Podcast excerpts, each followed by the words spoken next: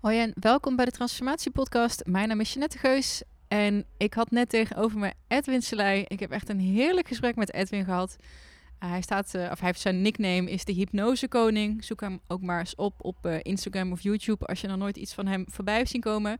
Nou, ik vind hypnose, autosuggestie, je overtuigingen aanpassen en de mentale vrijheid die dat kan opleveren, vind ik zoals je als vaste luisteraar van deze podcast wellicht weet, echt waanzinnig fascinerend. Dus daar ga ik lekker de diepte in met uh, Edwin. Want wat is hypnose dan? En hoe werkt dat dan? En heb je er iemand anders nodig? En kan je dat ook zelf? En hoe gaat dat dan met angsten en met vroegere trauma's en uh, zelfs verslaving? En nou, het was een hele openhartige, ja, prachtig gesprek, vond ik zelf. Dus ik uh, heb er ontzettend van genoten. En ik hoop jij ook. Dus geniet ervan. En tot volgende week.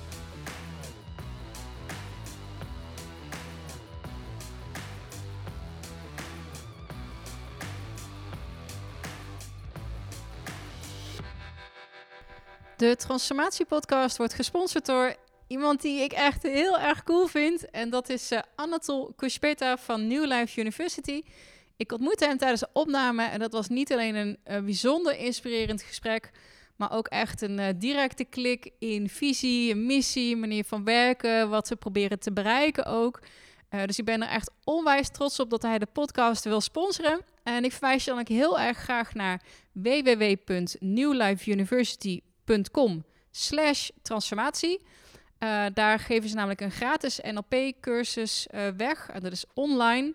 Uh, en daarnaast krijg je 10% korting als je besluit om hun 15-daagse weekendopleiding te volgen. Um, en dat is een opleiding waar je next level leert communiceren, presenteren, meer zelfvertrouwen krijgt, meer energie en leert omgaan met neg negatieve gedachten. daar is een kortingscode voor en dat is heel verrassend. Transformatie. Dus nogmaals, ik ben er onwijs trots op. Ik vind Anatol en zijn bedrijf en wat hij doet en hoe hij dat doet en hoe hij in de wereld staat echt, um, ja, thumbs up. Ik kan me daar helemaal in vinden. Dus uh, go check it out. newlifeuniversity.com slash transformatie. En de Transformatie podcast wordt ook mogelijk gemaakt door jou, door jouw enthousiasme, de lieve appjes, berichtjes, de emmetjes die je krijgt, uh, net als de reviews en de 5 sterren ratings.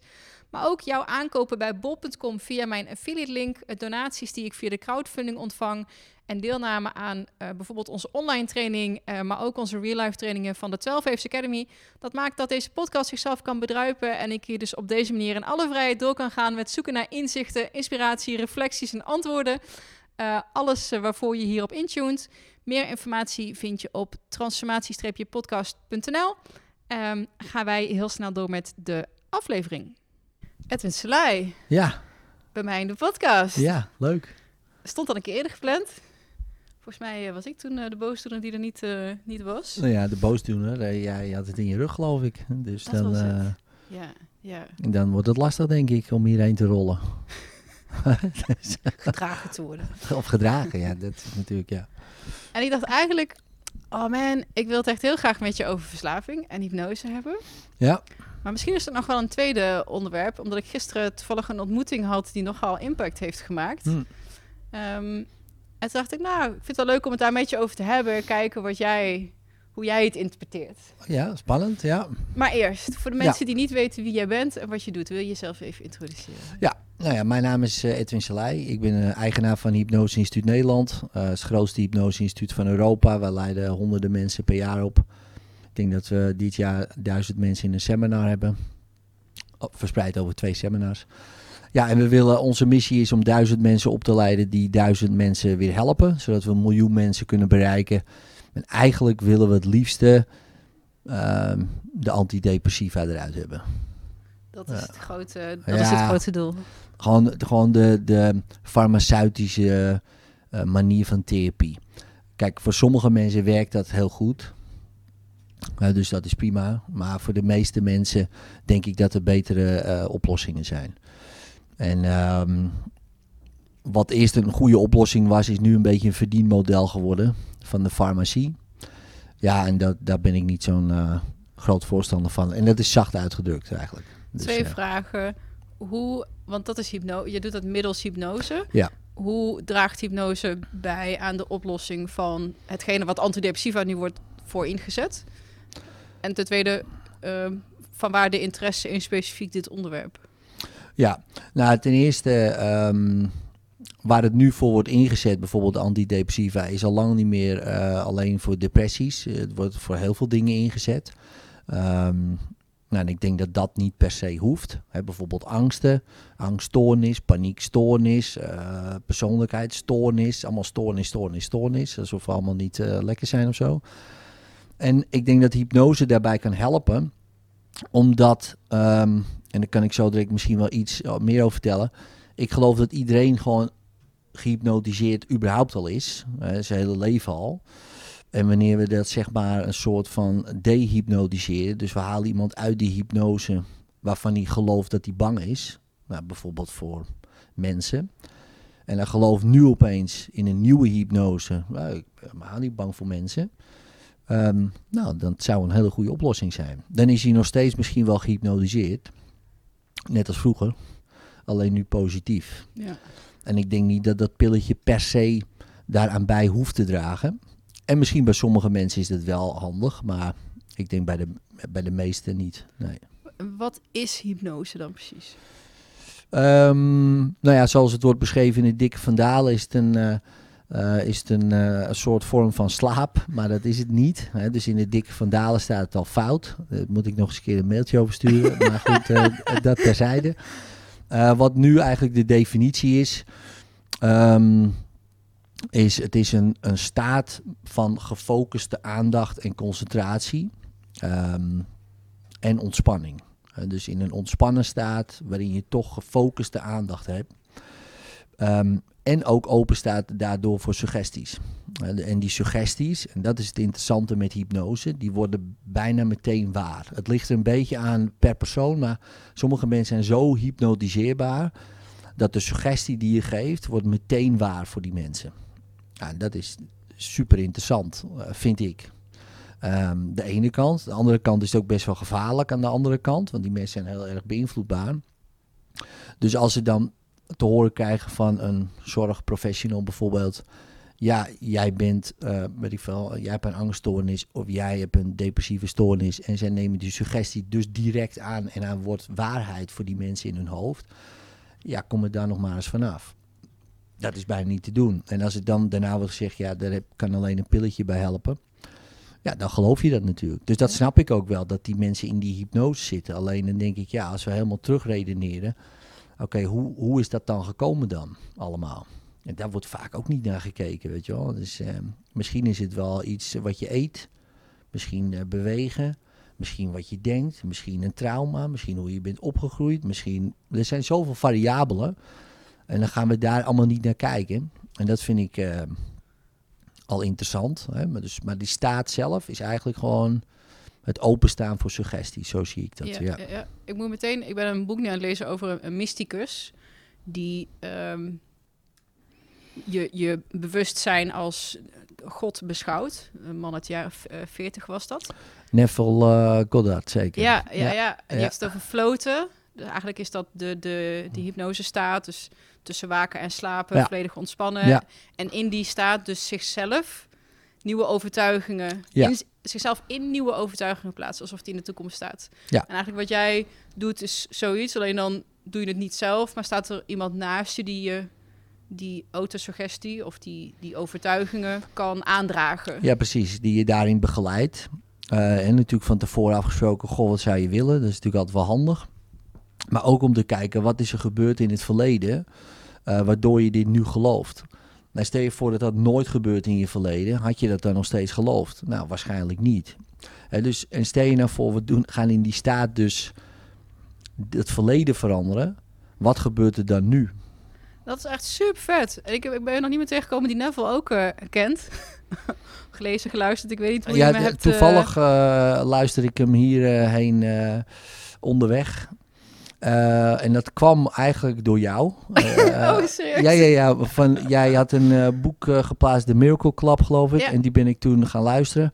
En daar sprak hij daarover. Ja. Um, die Mitch Horowitz. En toen dacht ik, oh, de, die, die Goddard, die moet ik gaan luisteren. Ja. Dus toen heb ik één klein boekje van hem geluisterd. En nu ben ik met, bezig met Resurrection. Ja, dat vind ik fascinerend, man. Ook, hoe die man dat de Bijbel eh, zo. Ik ben ook een beetje kerkelijk opgevoed, dus ik ken heel veel verhalen van de Bijbel. Ja, Maar hoe hij ze interpreteert, wauw, ik vond het echt. eh, ja, hij ziet nog alle, steeds. alle, alle verhalen. Hij zegt dat zijn eigenlijk allemaal theaterstukken. We moeten even... soap eigenlijk. ja, ja, En in plaats van dat het echte mensen zijn, staan ze representant voor je angst of voor je verlangen. ja, precies, of dat voor... ja. ja. En dan gaat het in één keer niet meer over een, een scène tussen drie mensen, maar een psychologisch drama wat zich in je hoofd afspeelt met onzekerheid en angst. En eh, ja, ik vind het echt, die man die weet het zo fascinerend. Ja, heel fascinerend. Ja. ja, ik moet het nog een paar keer luisteren om het echt eh, goed tot me door te laten dringen wat hij nou allemaal bedoelt. Maar eh, Heb Ja. je heb, dat stukje, want hij heeft het over het, prunen, dus het uit, wat is het, hoe noem je dat ook weer, als je druiven, enten, krenten? Nee. Ach, pruning. ja, ik, eh, Ehm. ik ken het fenomeen pruning. Het is, eh, je bedoelt gewoon eraf, eh, af, afsnijden, toch? Gewoon ja, ruimte precies. maken voor andere dingen. Ja, en wat hij doet is je, je, je geschiedenis reviseren. Dat hoorde ik je net ook zeggen. En toen dacht ik, dat is echt, ik mezelf ook een beetje mee aan het experimenteren. is, Want en hij doet het zelfs op dagbasis. Zo vanaf voordat je gaat slapen, kijk je terug naar de dag van vandaag. Ja, precies. En dan zeg je, oh, eh, toen kwam ik Pietje tegen en ik deed zo, maar eigenlijk had ik beter anders kunnen doen. Dus Ja. in mijn hoofd loop ik die dag nog een keer door en dan corrigeer ik soort van alles. Ja. Ja. ik, ik vind het echt fascinerend. Dat, dus ook kan je dus met je hele geschiedenis doen. Ja, En ja, Ja. jou ik zeggen, dat heeft dus ook invloed op die hypnosestaat waar je dan zeg maar nu in bent. Dus de overtuigingen die je nu hebt. Ja, je zou kunnen zeggen, en dat is misschien wel een interessant eh, ideetje. Hè, zo, waar ben jij, kijk, als je denkt aan wie ben je, dat is natuurlijk sowieso een interessant concept. En maar ik ben dus bijvoorbeeld Edwin. Eh, tenminste, hè, dat is mij verteld en dat staat in mijn paspoort. eh, en, eh, nou ja, luister je goed, naar dan geloof ik dat. En dan channel ik de informatie die Edwin heet of zo. Nou, oké, prima. En die, maar die is opgebouwd uit, uit al mijn ervaringen van, van vroeger. Ehm, daar maak ik een, eh, een collectie van, van wat ik wil herinneren. En daar weer een selectie van. En dat zeg ik, ja, dat ben ik dan. Ehm, en mijn zelfwaardering of zelfliefde, of, of, ehm, dat komt ervoor van, oké, wat vind ik nou van, van, van die selectie? Nou, stel je voor, ik vind het kut. En dan denk ik, een, een eikel ben ik eigenlijk. Dan kan ik ook denken, oké, ik heb al die ervaringen. Ik maak een andere selectie, een andere collectie, of een andere collectie, een andere selectie. Ben ik een ander iemand, voor mijn gevoel dan. Hè? Ik ben voor de andere mensen misschien nog steeds hetzelfde. En opeens denk ik, oh, die vind ik wel tof. Ik had laatst een sessie met iemand. En die was gepest geweest vroeger.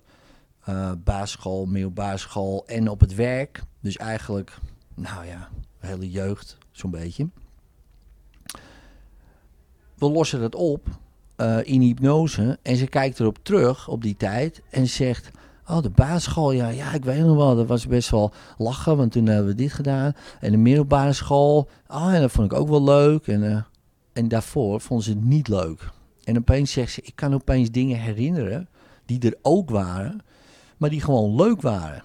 Maar die had, was ik allemaal vergeten, want ik dacht alleen maar aan die pestmomenten. Wat natuurlijk logisch is, want je brein wil dat vermijden, dus die gaat daarop letten. Die gaat niet letten op die leuke dingen, want ja, die zijn irrelevant. Eh, want die, eh, dat, dat geeft je wel plezier, maar dat vermijd je niet voor de pijn van de pesters. Dus nu was dat opgelost. Ja, dat is een heel ander persoon. Ja, niet aan de buitenkant, maar wel eh, hoe zij nu denkt in en hoe ze het beleving. doet. En hoe, kan je daar iets over vertellen? Van hoe gaat het eraan toe? Want je zegt, je lost het op. Ja. Is dat één sessie? Is dat een gesprek met jou? Hoe In ziet dit, dat eruit? dit geval was het één sessie, ja. Ehm, nou, heel kort gezegd, hè, we gaan gewoon terug naar het allereerste moment dat het probleem ontstond. Nou, dat is een hele vage, aparte eh, suggestie. Hè? Dus, eh, dus ik zeg tegen jou, oké, ga nu terug naar het allereerste moment dat het probleem ontstond. Heel abstract, maar in hypnose begrijp je dat idee. En we hebben natuurlijk daarvoor een gesprek gehad, weet je wel, waar gaan we het over hebben. Ehm, maar ze kwam niet uit bij het pesten. Nou, ze kwam uit bij, eh, uit mijn hoofd, eh, vier jaar en er gebeurde iets eh, thuis. Dat stukje losten we op. Eigenlijk door te vragen, goh, wat, wat zou je willen doen? Ja, dus dat een kind die had misschien iets willen doen, maar dat kan natuurlijk niet. Of krijg je misschien represailles van je vader of je moeder. En toen ging ze het wel doen. Ze zeggen, jullie, jullie moeten stoppen met wat jullie aan het doen zijn. Nou, als ze dat normaal had gezegd op vier, dan had ze misschien uh, andere dingen meegemaakt, weet je wel. Maar nu niet. En dan hoort ze van de moeder, dat gaan we dan een rollenspelletje doen in die hypnose. Uh, ik hou van je, het ligt niet aan jou en uh, je hebt gelijk. En die vader zegt dat ook. Dus we installeren als het ware nieuwe overtuigingen van je eerste hypnotiseurs in je leven. Dus opeens hoor je van je vader en moeder gezegd. En misschien weet je dat ergens wel, maar is het nooit echt verteld. waarschijnlijk is het ook op andere momenten wel heel vaak Zeker. gezegd. Ja, ja, ja, ja, waarschijnlijk. Ja, niet, het is ook niet bij iedereen trouwens, maar, hè, dat is, uh, hè, maar er wordt dan gezegd, er wordt van je gehouden. Um, het ligt dus niet aan jou. Hè. Jij mag er zijn. Allemaal dat soort overtuigingen worden er eigenlijk daardoor in uh, geprint. En je kan vertrouwen op jezelf. Hè. Wat je voelt klopt. Dat zeggen we niet met zoveel woorden, maar dat soort overtuigingen kunnen daardoor ontstaan. Daar groei je mee op. Ja, en dan ben je een heel ander persoon. Want je denkt, ja, tuurlijk mag ik er zijn. Tuurlijk ben ik welkom. Oh, dat was het ja. Ze was, was niet welkom. Dat was het ja. Dus, um, en ze groeide op. Ze denkt, ja, ik ben wel welkom. Kijk, als jij vanaf je, het was trouwens in de buik, kwam zij terecht. En ze voelde de stress van de moeder. En de moeder had ook wel eens gezegd, ja, je wilt er eigenlijk niet moeten zijn, want ik had helemaal niet voor je kunnen zorgen of wat dan ook is altijd goed om te vertellen tegen een kind, hè, als ze klein is. Hè. Dus, uh, als je wil dat ze later het leven wat uh, te doen hebben, dan, zou ik dat dan uh, moet je dat doen. Dus nu al kwam ze erachter, oh, het lag niet aan mij, weet je wel. Het is mijn moeder. En, en natuurlijk cognitief wist ze dat wel nu. Maar het kleine meisje daar wist dat niet. Nu wel. En nu heeft ze het gewoon het gevoel van, oh, ik mag er gewoon zijn, weet je wel. Ik ben gewoon hier welkom. En het grappige is, want ik, ik zeg ga staan. Hoe voelt het nu? Ze zegt, ik sta voor het eerst gewoon echt op de grond, lijkt wel. Ik zeg, ja, dat dacht ik al. Daarom, want als je er niet mag zijn, dan ga je hier doorheen. Want ja, wat moet je anders zijn? Ja, ja, ja. En als je er wel mag zijn, dan boem. Nou ja, en dat kan voor allerlei fysieke klachten zouden dat ook kunnen oplossen. Die in de loop der tijd zijn ontstaan. Volgens mij, waar jij, als ik, het, als ik naar je kijk, waar je mee bezighoudt, als die verhalen hoor, jij bent voor mij echt het summum van wat mentale vrijheid zou betekenen. Want dat is eigenlijk wat je doet. Je bevrijdt jezelf van zo'n overtuiging die is ontstaan als... oh, ergens heb ik geleerd dat ik er niet mag zijn, op wat voor manier dan ook. Ja. Ik draag dat met me mee. Ja. Eigenlijk reviseren we dat geschiedenis van... oké, ik kies ervoor om naar een ander perspectief te kijken... Uh, en daarmee creëer je dus mentale vrijheid. Want ik heb niet meer die ballast van die overtuiging die ik heb. Ja, precies. En als we dan weer over hypnose hebben dat is natuurlijk één grote hypnose geweest. Want als jij er niet uh, had moeten zijn, biologisch gezien, dan hoorde je bij die 80 miljoen anderen uit die zaadlozing, snap je? Die zijn verspreid over de wereld. En, uh, en jij niet, toevallig. Uh, jij bent er. En de rest is weg. Ja, dus, dus uit die hele selectie, er is een gigantische selectieprocedure aan vooraf gegaan. En er is er één heeft gewonnen. En die gaat dan geloven dat hij er niet mag zijn. Dat is eigenlijk natuurlijk één grote waanzin ook wel te begrijpen als je natuurlijk weet hoe iemand is opgegroeid. Maar als je het gewoon even helemaal gaat uitzoomen, ja, dan slaat dat natuurlijk nergens op. Want de evolutie bepaalt, zou je kunnen zeggen, dat jij hier gewoon hoort te zijn. Punt. En, wat je ouders ervan vinden, ja, dat moeten zij weten. Maar die mogen, mogen er ook zijn. En die mogen er ook allemaal zijn. En wat doen wij als mensen? Ja, wij kunnen dingen natuurlijk allemaal bedenken. van dat we er niet mogen zijn of uh, dat we niet goed genoeg zijn. Waarom, waarom vinden we dat toch zo... Waarom zijn die zo lekker, die overtuigingen? Want iedereen heeft ze en het is fucking moeilijk om er vanaf te komen. Wat, wat is dat, dat dat die zo aan ons plakken? Ja, dat uh, heb geen idee eigenlijk. Ik, ik, heb ze ook, hè. Dus het is niet dat ik bevrijd ben. Uh, ik heb ook nog wel eens het idee, ik ben niet goed genoeg. Uh, maar dan, dan koppel ik dat niet aan, ik zeg nu wel, ik ben niet goed genoeg. Maar aan, dan koppel ik dat aan, een, aan een, iets wat ik niet kan. dus niet aan wie ik ben. Ja. dat is wat anders. ik ben in heel veel dingen niet goed genoeg. En dat is prima. Maar wanneer je dat gaat koppelen aan je identiteit, dan dat is vaak waar het vaak dan misgaat. Maar ook al denk ik ook al in de opvoeding. Ja, je, eh, in plaats van ja, je kan dit niet goed. eh, jij bent niet goed. Of eh, je kan niet rekenen. Ja, je, je bent gewoon niet slim genoeg. Ja, en op een gegeven moment ga je dat geloven. En denk je, ja, zie je wel, ik ben gewoon niet slim. En een keer afgewezen of een keer iets verkeerd gezegd. Dat komt natuurlijk gigantisch Ja. binnen. Ja, de, eh, grappig dat je over eh, pesten begon. Die ontmoeting waar ik het net over had, die ik gisteren had. Ik woon echt, ja, super prachtig, helemaal afgelegen, hartstikke rustig. Maar het is anti-kraak. Ehm, het is voor een beetje, nou, een bepaald soort mensen. ja, ja, ja precies. Ja, leuk, ja, Zoals toch? ik, leuk. Ja, Eh, een jongen die, ik denk echt ehm, een beetje richting autisme spectrum, hoogsensitief, een beetje apart, heel erg op zichzelf, heel rustig jongen, super aardig. Gisteren kwam hij naar me toe op zijn fietsje. Hij zegt, heb je de nieuwe buren gezien? Nou, hij was helemaal in alle staten. Dat is een hele rustige jongen. Ik zei, ja, ik heb wel gezien dat er nieuwe mensen op het terrein zitten. Hij zegt, ik haat ze. Ik haat nou. dat is wel. En hij vertelde Ja. net, hij zei, hoor je die muziek niet? Ik zei, ik hoor geen muziek. Nou, maar waar ik ook ga staan in het pand, ik heb er last van. Ik denk Hm. dat hij conservatorium heeft gedaan, waarschijnlijk heel goed ontwikkeld gehoord. Dus voor hem is dat een enorme stoorzender. Is hij naartoe gegaan, heeft hij zich laten intimideren. Dat zijn opgeschoten lui uit het nabijgelegen dorp. Die hebben zoiets van, hey, lang leven de vrijheid. Hier zijn geen ouders, hier is geen controle. Ja, Woehoe, feesten. feesten. Ja, ja, ja, precies. Ja, Ik heb daar verder geen last van. Ik zit in mijn eigen bubbel. Whatever. Ik, Ja. doe je ding. We, we hebben gewoon respect voor elkaar. Maar hij zit daar dus middenin tussen die twee nieuwe panden.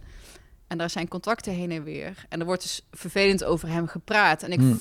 oh, het kwam binnen bij me. Het kwam binnen. En hij... Ja, ik heb er wat van gezegd, maar dan wordt hij bedreigd. Er wordt echt geïn- het is echt, het is echt. Ik dacht, wow, dit is wat er op de basisschool gebeurde, middelbare school. Het is gewoon pesten, het is gewoon haantjesgedrag, Hmm. dominantie. Maar wat ik zo'n eye-opener vond, is zijn heel zijn. Het, hij was zo angstig en verdrietig en hij liet zich ook. Hij was helemaal. Hij liet zich echt op de kop zitten. En ik hoorde Ja. mezelf zeggen van joh, je bent gewoon een vent. ja, ja, ja, precies. Ja, ja, ja. ja. Je laat je toch niet door zo'n steltje pubers intimideren. Kom op. En bovendien, je kan het toch ergens melden als er echt overlast is. Maar het was wel even zo, ging ik weer even terug naar toen ik heel erg werd gepest. Ik denk, ja, ik kwam echt niet voor mezelf op. Ja. Niet. En ik merkte in dat gesprek met hem en mij, dat hij een beetje steun aan het zoeken was bij mij. Maar ik denk, ik heb helemaal geen zin in jouw drama. Ja, ja, ja, precies. Ja, Ik heb het heel druk met andere dingen. En ik kwam net van een boswandeling, dus ik was helemaal eh, zelf eigenlijk super happy peppy aan, aan het floten. ja, ja, ja, precies. Ja, Dus ik liep weg uit dat gesprek, ook omdat ik, wow, het kwam zo hard binnen. maar hoe kwam het dan dat het hard binnenkwam eh, bij nou, jou? zijn, hoe erg die zich, eh, hoe die keek en hoe erg hij zich er ook door liet beïnvloeden. En hij zo, en had hij een telefoongesprek gehoord en dan werd hij de klootzak genoemd. Dus waarschijnlijk zat hij ook heel aan Ik ben vroeger ook gepest. Waarschijnlijk echt in zijn oude pijn hoe het is om gepest Ja, te worden. Maar het kwam bij mij natuurlijk ook binnen. Ja, ja, ja. En ik merkte toen ik uit dat gesprek wegliep, eh, zo van, joh, ik moet ergens zijn. Ik wilde dat afkappen, want ik denk, ja, ik kan je niet helpen. En bovendien, ja, ik heb even geen tijd en behoefte en ruimte voor jouw drama. Ik ken je verder ook niet. Ja. Sorry, ik vind je aardig, maar Ja, ja, ja, precies. Ja, ownership nemen zelf. En toen keek hij ook op een bepaalde manier, hij nam het me een beetje kwalijk dat ik het afkapte. En toen dacht ik voor mezelf, wow, ik heb denk ik ook als kind, in plaats van voor mezelf op te komen, ben ik ook een beetje boos geweest op degene die niet voor mij in de bres zijn gesprongen. Hm. Ik dat was ook echt een gigantische eye-opener. Ja. Van, oké, Jeanette. Dus toen ben ik eigenlijk à la Neville Goddard zo van... hey, wat nou als ik... Ik weet nog een paar van die scènes. Als ik wel gewoon dezelfde attitude had gehad... als ik nu tegenover mijn buurman. Van, hey, kom op hé. ja, Je laat jezelf toch zeker niet kisten? Ja, ja, precies. Je bent er gewoon... Wat gaan ze doen dan? Gaan ze je in elkaar slaan? Weet je wel, zo van... ja, Kom op hé. ja, precies. Maar dat was wel even zo, oh, dat had ik eigenlijk als kind misschien ook kunnen doen. En ik had mezelf een hele hoop ellende ook bespaard als ik, denk ik, onbewust aan, bijvoorbeeld mijn ouders het niet zo kwalijk had genomen dat ze me maar gewoon ja, niet voor me zijn opgekomen of zo. Ja, precies. En, en, en hoe kwam het dan dat jij dan nu niet voor die jongen opkomt dan? Ja, nee, dat is eh, een hele goede vraag. Ja, Op dat moment gewoon echt geen, eh, letterlijk geen, geen ruimte voor. nee, precies. Dus waarschijnlijk die anderen ook niet toen bij jou... eh, in je, Die zaten in hun eigen Die shit. zaten in hun eigen bubbeltje, ja. Ja, Het is zo, zo lastig, hè. Als, als, als buitenstaander heb je vaak helemaal niet echt door... als kind dan, hè. Oh, ik weet ook wel, denk ik... Bij mij in de klas zijn er ook wel, denk ik, wel kinderen gepest. Maar je hoort het al aan me, denk ik. ik, ik weet het eigenlijk niet. Ik zat in mijn eigen wereldje. Ja. Ik had mijn eigen uh, strategietje om niet gepest te worden. Hè? Iedereen heeft zo zijn eigen strategietjes. Bij mij was het gewoon met iedereen vrienden worden. En dan word je ook niet gepest. Want uh, ach ja, Edwin, het aardige jongen. Dus uh, ik ging met iedereen om. En dan later dan was dat een goede oplossing. En later werd dat eigenlijk een probleem. Want van, vroegen ze van... Uh, en vroegen mensen, wat vind jij er eigenlijk van? Wat vind jij? Ging daar gewoon niet meer. Want ik was niet gewend om iets te vinden. Yeah. Uh, nu wel. Hè, maar dat heeft heel lang geduurd. Dat, dat werd op een gegeven moment, zeg maar, nou, dat is die geen groot probleem of zo, maar vervelend. Hè? Dus dat je denkt, ja, wat vind ik nou eigenlijk, weet je wel? Ja, ik denk, ik vind eigenlijk alles wel. Omdat ik, uh, dat was mijn vermijdingstactiek. Dus dan zie je ook niet wat, wat er echt om je heen uh, gebeurt. Ik, heb, ik, ik had daar niet zo'n zo'n oog voor. En dan hoor je achteraf soms wel eens verhalen dat je denkt, oké, okay, wow, dat heb ik helemaal nooit meegekregen. Ja. Dat is ook wel ja, uh, heftig, hè? Want, uh, ja, want ja, je ziet niet wat er van zo'n school, uh, buiten zo'n schoolplein soms gebeurt. je hoort het ook niet van mensen. Ik ging dan niet meelopen met pesters, weet je wel, dat, dat niet. Ik was wel altijd zo slim om dat zeg maar niet te doen. Ik, ik was gewoon een beetje aan het ver, ja, te bevrienden en vermijden. Een beetje zo'n strategie. Maar als je dan achteraf hoort van sommige mensen hoe zij hun schooltijd hebben ervaren. En hoe lang het ook kan duren voordat je. Want dan wordt. Ik zag het zo duidelijk bij de jongen gisteren. Ik denk dat hij iets jonger is dan ik. Ik ben vroeger ook heel erg gepest. Daarom was ik ook zo verbaasd over dat ik nu daar hem eigenlijk advies stond te geven. die. wat ik misschien als kind gewoon wat meer had moeten horen. Ook van hey, man the fuck up. Ja, ja, ja, precies. Gewoon, ja. Want jij bent waardevol en je bent goed en Ja, ga staan. zeker, weet je? En wat, ja. wat kunnen ze doen dan? Ja, Weet je wel, die overtuiging zo van... hé, hey, uh, jij hebt ook wat in... En hij is een fitte gast ook. Ik zie hem altijd uh, hardlopen en trainen en sporten buiten. En ik denk, ja, het zijn van die jonge gastjes die naast hem wonen. Maar dat je je zo laat beïnvloeden door gewoon de woorden van iemand anders. Heftig, man. Wow, man. ja en dan, dat, dat is dan gewoon zo'n, ja, je zou kunnen zeggen zo'n kindstuk. Hè? Dus dat is, dat is nog steeds, uh, hij wordt aangesproken op dat kleine jongetje. Dat Ja. kleine jongetje is nooit, uh, zo zie ik dat dan, opgegroeid. Uh, die denkt nog steeds dat hij gepest wordt door iedereen. Ja, en dan wordt, het, word je geraakt. Als, stel je voor dat kleine jongetje is opgegroeid en die is de volwassen man.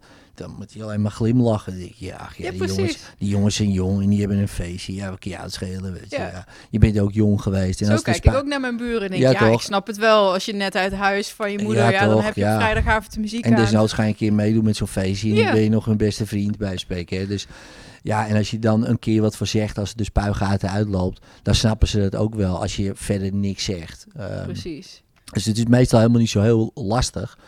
Maar wel als je natuurlijk eh, nog, nog steeds je zo klein voelt. Want dat, Ja. dat is het dan. Ja, ja, dat is het echt. Dan denk ik, dat heb ik ook zo lang meegenomen. Ja, heel Ehm, veel mensen hoor. Ja, en dan denk ik eh, ook, hoe zou- je zo iemand... Want het, denk ik, ik zie hem, je denk je bent fit, je bent slim, je bent, eh, weet je wel, er is echt helemaal niks wat jou minder Ja, zou eigenlijk maken is het allemaal al veranderd, hè? allemaal in zijn hoofd. Ja, het is eigenlijk allemaal al veranderd. Alleen eh, één, één klein deeltje van hem weet het nog niet. Die weet niet dat En hij al opgegroeid is. Is zoiets gewoon aan te spreken? Dus Ja, en hoe, hoe moet je zo iemand zeggen, hey, weet je, moet je hem gewoon aanspreken op zijn ratio en zeggen, ja, nee, je bent toch gewoon een vast kerel. Want ik merkte dat dat niet echt. nee, dat je ratio zelf werkt ook vaak wel. niet. Hè? Dus eh, eh, kijk, ehm, en dat vond ik wel een mooie metafoor eigenlijk. Volgens mij kwam dat ook uit een van die boekjes vandaan. En die ken je misschien wel. Als, als, een, als je iemand, als je een plank neerlegt op de grond, eh, dan kan je er gewoon overheen lopen. Rationeel weet je, eh, ja. En daarna weet je dus dat je het kan. Maar doen we die plank nu gewoon eh, 10 meter hoog, dan opeens eh, ga je je dingen verbeelden. En dan word je opeens misschien wel gespannen of angstig of wat dan ook. Het is dezelfde plank. Eh, je, weet, je weet dat je er overheen kan lopen, maar je lichaam denkt, nee, nee, nee, nee, nee, zo direct vallen we of wat dan ook. Ja. Dus die beelden die je daarbij creëert ehm, en imagineert, ja, die blijken dus toch eh, een stuk sterker te zijn dan je cognitie. Ja. Dan, want je weet dat het een plank is. Nou, hij weet ook dat het gewoon jonge gasten zijn. Hij weet ook waarschijnlijk wel dat die jongens eh, niet persoonlijk eh, bedoelen, die willen gewoon feest. Kijk, hij weet heel veel dingen. Eh, alleen hij voelt eh, zich eh, zes jaar. ja, alsof hij op die plank over het Ja, in de lucht ja, moet lopen. ja, Ja, want hij verbeeldt zich iets anders uit zijn jeugd. En dat is natuurlijk zo, heeft natuurlijk zo'n impact gemaakt. En dat trauma, zeg maar. dat dat ja, binnen de kortst mogelijke keer naar voren komt. En dan kan je trainen, hè. je kan sporten, trainen, zo groot zijn. Ik heb de grootste bodybuilders, dus meestal een vriend van mij was ook gigantisch, een hele brede gast, bodybuilder. Moest zo door de deur, weet je wel. Ehm, maar was er gewoon nog, eh, als, je, als je hem gewoon eens recht aankeek en je zei van, jongen, je bent eigenlijk ook niks, of wel? En echt met 100% zekerheid, daar zag je hem gewoon helemaal in één eh, krimpen. En die kwam er ook op een gegeven moment achter. Dat hij dacht van ja, ik heb zoveel getraind. Ik ben zo groot geworden. En nog ben ik dat kleine jongetje. Ja. Het wordt tijd dat ik dus ook opgroei. Of dat kleine jongetje laat weten. Hé, hey, kijk eens even goed in de spiegel. Net als die kat die dan in het water kijkt en een leeuw ziet. Ja, dat zie ik dan ook zo. Hè. Dat kleine jongetje moet eens een keer echt in de spiegel, echt in de spiegel kijken. En zichzelf zien als grote vent die eigenlijk helemaal nergens bang voor hoeft te zijn. Maar ja, dat is best lastig. Ja. Hè, want dat kleine dat jongetje... zijn echt diep, diep gewortelde angsten. Zo van, oh Ja. jee, straks gebeurt er iets. Want hij was echt, echt bang ook dat ze hem zouden... Dat de represailles zouden volgen. En als hij iets zou melden, dan zou hij... eh, denk, ja, het is, dat is allemaal intimidatie. En natuurlijk heel gemeen. Zeker, ja. ja maar Oeh. ze weten, kijk, hij, ze zien hem reageren. eh, ja, en dan krijg je zo'n... zo'n Kettingreactie. Ja, zo'n Pavlov Ja. idee, hè. Dus, oh, oh, daar hebben we eh, de prooi. Oh, kan mooi, weet je. En zij zijn misschien wel gewend om een beetje het roofdier te spelen, weet je. En, en, en je herkent je prooi van, eh van mijlen ver. En hij, maar stel je voor dat jongetje bestond niet meer in de zin van het gepeste jongetje. En het gepeste jongetje was gewoon de 38, 39-jarige man, sportief. Ja, dan hadden die jongens daar geen vat op. Ja, en die, die, had een hadden dan... grapje gemaakt. En was dat... En, want Ja, ik, ge- ik merkte ook toen ik bij hem wegliep, ik stond daarna in de keuken. Ik denk een beetje wat Serena vertelde van die vrouwen die terug naar haar geschiedenis. Omdat het voor mij zo'n spiegel was. Ook van, oh, daar sta ik dus nu niet meer. Dat was even een hele fijne bevestiging. Ja, ja. Ik voelde me zo, dat is heel herkenbaar wat je zei. Zo, ik sta echt hier. ja, Dat was wel ja, vervelend dat het via een buurjongen met een vervelende ervaring moest. Dat zo'n realisatie dan komt. En ook, jeetje, wat was het toch eigenlijk simpel geweest als ik op de basisschool... Want het is, het is een minuscule verandering. Het is echt, echt een attitude. Zo van, ja, hé, wat moet je dan? Het is echt een attitude. ehm, maar ook een, ehm, een, een daaruit voortkomende energie. Eh, dus je hoeft niet eens wat te zeggen. hè. dus, eh, ik heb heel veel Aikido les gegeven aan kinderen. Nou, Aikido is een Japanse zelfverdedigingskunst, zoals we dat dan noemen.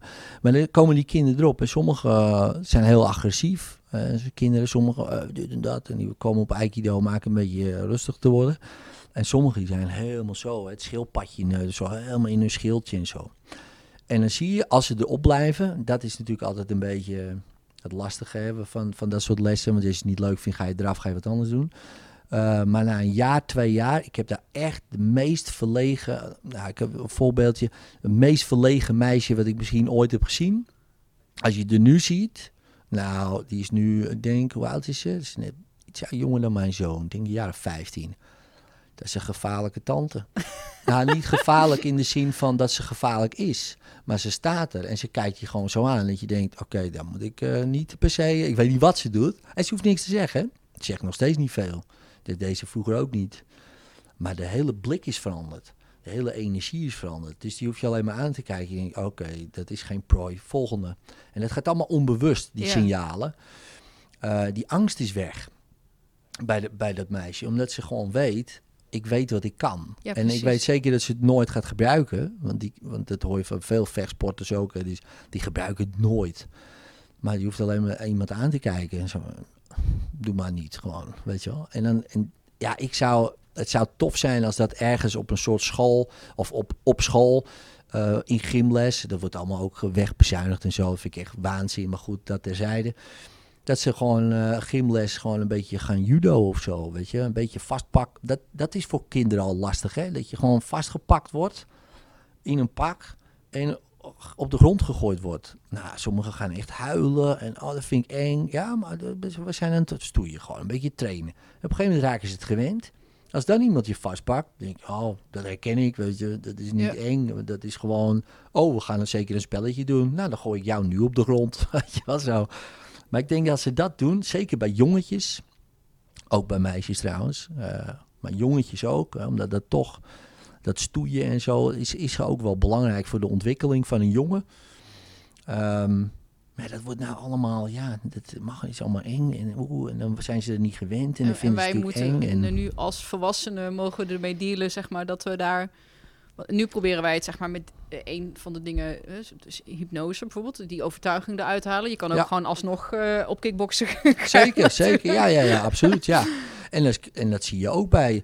Hè, dus, kijk, stel je voor, als je wat ouder bent en je gaat zo'n sport doen. En je bent ook heel sportief bijvoorbeeld. Nou, daar krijg je ook heel veel eh eigenwaarde van en zelfwaardering. En eh, weet je, er komen heel veel goede stofjes vrij. Maar ook hoe je jezelf gaat zien natuurlijk. Nee, ik hoorde in, eh, in een podcast via dat je vier keer Europees kampioen Ja. bent eh, geweest. Misschien nog steeds bent, dat weet ik trouwens Ja, niet. vorig jaar wereld. Dus, Gefeliciteerd. ja, maar dat bedoel ik. Kijk, Ja. dat doet ook wat met je, met je eigen waarde. Dan denk je, ja, hey, ik ben gewoon de beste van de wereld, weet je wel. Ja, hoe cool is dat? Ja, wie kan dat zeggen, weet je?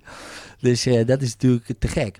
En dat heb je ouder. eh, Dus dat kan allemaal. Je kan ook, als je ouder wordt, eh, door repeterende goede gewoontes, ook gewoon een ander persoon worden. Ehm, dus dat is één manier. En een andere manier ja, is soms wat makkelijker, vind ik dan, eh, om in hypnose gewoon wat dingetjes eh, een beetje te en reorganiseren. als, eh, alle twee samen zou natuurlijk helemaal Ja. perfect zijn. Want dan heb je het li- het lichaam en de overtuiging uit het lichaam en, en in het hoofd. Ja. Want ik heb me ooit één keer laten hypnotiseren. Mhm. Dat is echt een heel leuk verhaal. ik, ik, volgens mij was ik eh, 18 of zo, of Ah, begin 20. Ehm maar iets in, die, iets in die koers. En ik zat toen echt met... me- Ik, ik wilde toen minder snoepen. Ik ben echt een snoepkont. En ik Ja. vond mezelf wat een beetje te chubby. Wat cool. Hoe, kwa- hoe kwam je daar zo bij om dat dan eh, hypnose te gaan doen? Want, eh, Ja, want jij was 18, 19? Nee, ik was daar toen Waarschijnlijk helemaal niet eens mee een bezig. keer maar- ergens in een tijdschriftje of zo. Of ergens iets voorbij. En, dan, en toen... Nee, ik was ietsje ouder, denk ik. Misschien begin 20. Maar nog steeds echt heel jong. Ja, ja. Ehm, en toen eh, gewoon opgezocht. Ik weet niet eens meer of het toen Google was of iets anders. Dat durf ik even niet meer te zeggen. En ik weet dat ik in mijn allereerste auto die ik had, zo'n 500 euro. En ik was inderdaad, ja, zoiets. Dan begin 20, denk ik, 19 of zo. En je had het 20. online opgezocht. Ja, kan dat dan al Ja, dat zou kunnen. 2020 Ja, zijn? dat- dat- 2000? Ja, dat Ja, dat kan. zou je kunnen, kan online opzoeken. Maar Ja. een hypnotherapeut met een website, dat is toch al best wel... Ja. Ik vind het nou al... eh, In, ja. eh, eh, weet ik veel, Barneveld of zo. ja. Woonwijk. Ik denk, waar kom ik nou toch weer Ja, terecht? precies, Gewoon ja. zo'n huisje. En dat Ja. het klassieke Boeddha-beeldjes, roze. Want hè, dat Wieroki. hoort natuurlijk wel een beetje bij dat... Dolfijnen cd'tje niet. Nee. Zoiets, ja. Ja. En het grappige is, ik lag daar... Nou, de man had toch gewoon een goed verhaal. En eh, hij zei, ja, want ik wilde s- geen chocola meer eten. Ik denk, dat Ja. is echt mijn, mijn valkuil. Ik ga me laten hypnotiseren. En ik weet dat ik daar op dat kamertje daar lag. En ergens dacht ik, oh, in hypnose, dan ben je weg of Mhm. zo. Maar je bent juist hyper, hyper, hyper bewust. Ja. Ik eh, hoorde de vogeltjes buiten. Ik was me heel erg bewust wat ik aan het doen was en eh, waar ik was. Ik rook zijn adem heel sterk. Dat weet ik, kan ik me nog heel goed herinneren, Hmm. want hij zat natuurlijk zo naast me. Dat vond ik niet zo prettig. Eh, maar ik, ik ben heel hypnotiseerbaar. De één keer zo en ik was... ik deed mijn ogen dicht. ja, ja, ja. Ehm, en ik heb toen inderdaad ook drie weken of zo geen, eh, geen chocola gegeten. Dus ik vroeg me ook af, hoe lang werkt zoiets? En is het voor alles in te zetten? Ehm, ik zeg altijd wel, het is een beetje een dooddoenertje, maar eh, de, de oplossing is net zo permanent als dat het probleem was.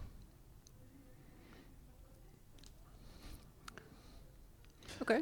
Dus dat is, eh, hè, dat is een beetje een abstracte eh, uitleg daarvan. Hè, dus ja, het kan een week duren, een maand, een jaar, eh, je hele leven.